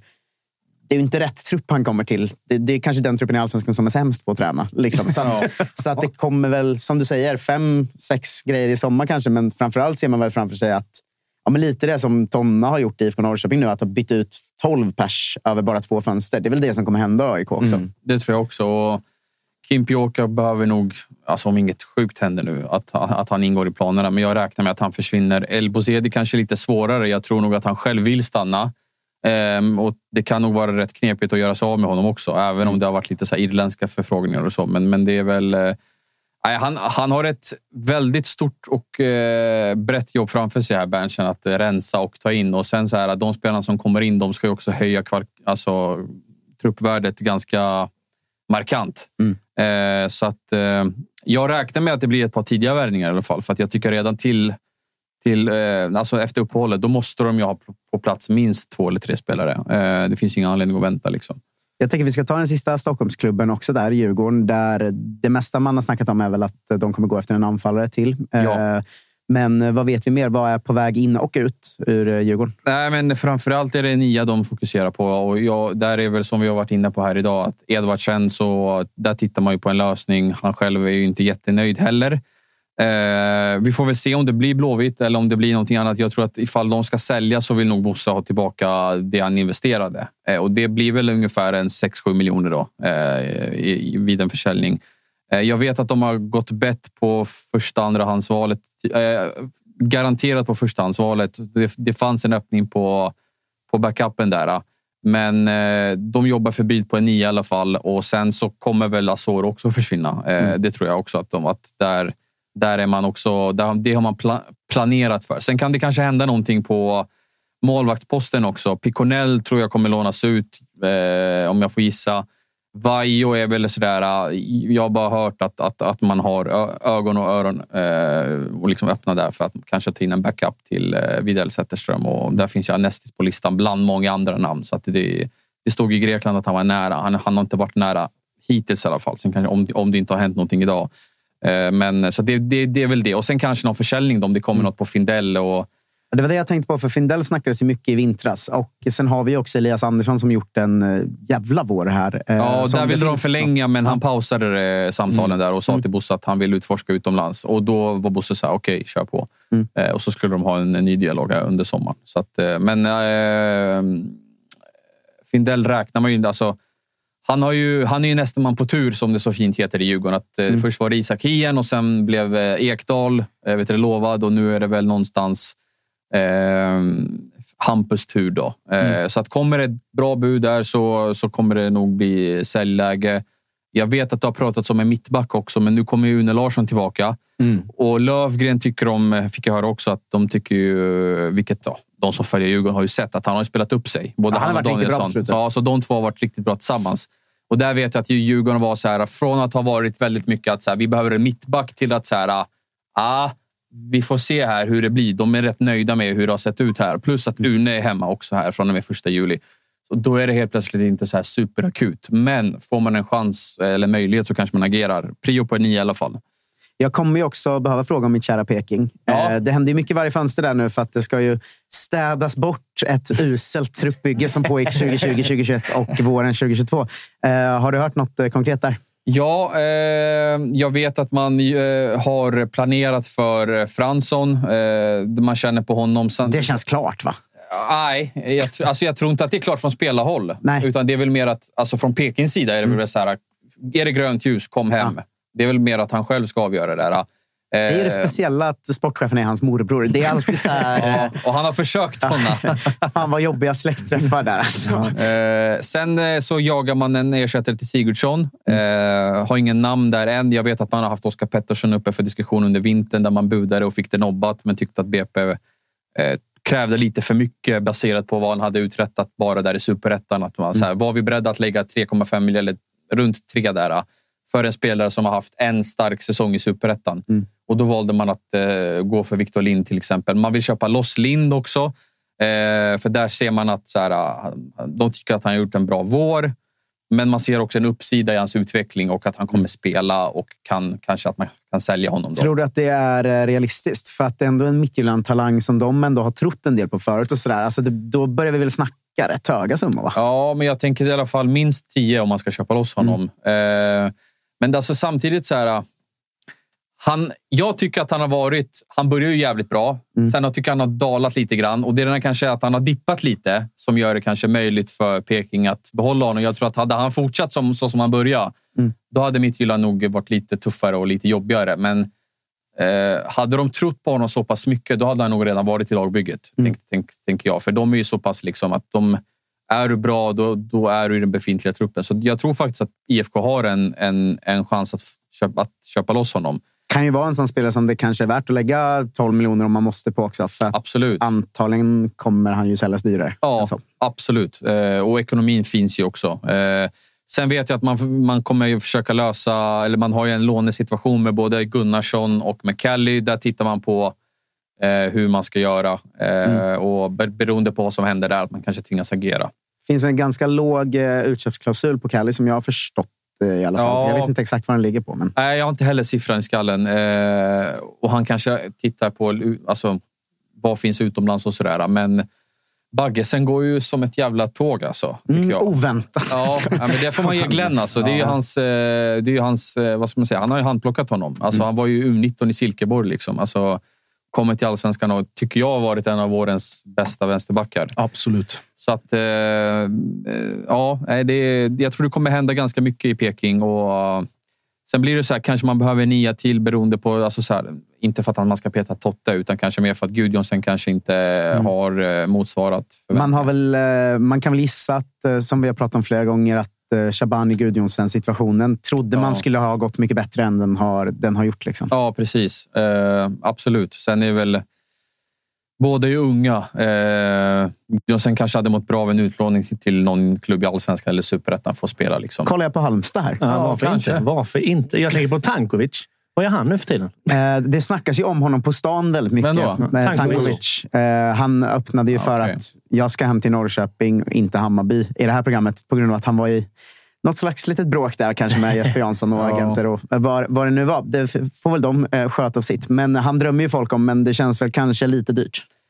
Eh, ja, det gör det väl kanske. Sen har han väl gått bra på Cypern och verkar trivas där med familj och, och, och så. så att, eh, men alltså, alltså, Hänger mycket i Peking dock. Ja, hänger mycket, är från Hageby, har familjen där. Alltså, man ska inte, den dörren är nog inte stängd, det tror jag inte. Var, eh, rolig detalj, vi ska avsluta nu. Men eh, för några matcher sen så dök ju Ekpolo upp på läktaren och heja på Peking. Det såg man ju inte framför sig. Jag var så jävla förvånad. ja, verkligen. Det kändes inte som att han alltså, var en sån som fick så starka band. Liksom. Men han bara var där och hejade på. Så det gjorde Ja, vilken grabb ändå. Ja, det gjorde mig väldigt, väldigt, väldigt glad. Eh, hur har du haft det idag, Kalle? Kanon, kanon, kanon, kanon. Bättre Alltså, än Prag. Prag, är, Prag är en sån jävla dunderstad. Det är verkligen... Eh, Lite varmt i Prag tycker jag. Så att ni, ni bränner den resan. Alltså, vilka dårar. Eh, vi är tillbaka på fredag. Då kommer Emily Olander in. Eh, Jävligt kul ju. Eh, alltid roligt när hon är med. Och då blir det fokus på sista omgången innan eh, uppehållet. Eh, Men där. en sak är säker, vi tar inte uppehåll. Eh, Vi tar inget. Vi gasar väl på mer än någonsin. Så in i helvete. Ja, någon gång ska man gå ut i väggen. Eller gå rakt Gå in i den. ut i Ja, väggen. det hör jag redan, redan där. In och ut. In och ut i väggen. Eh, tack för att ni lyssnar, era dårar. Fortsätt chatta, håll på, tipsa alla om oss, så hörs vi på fredag. Hej! Kalmar.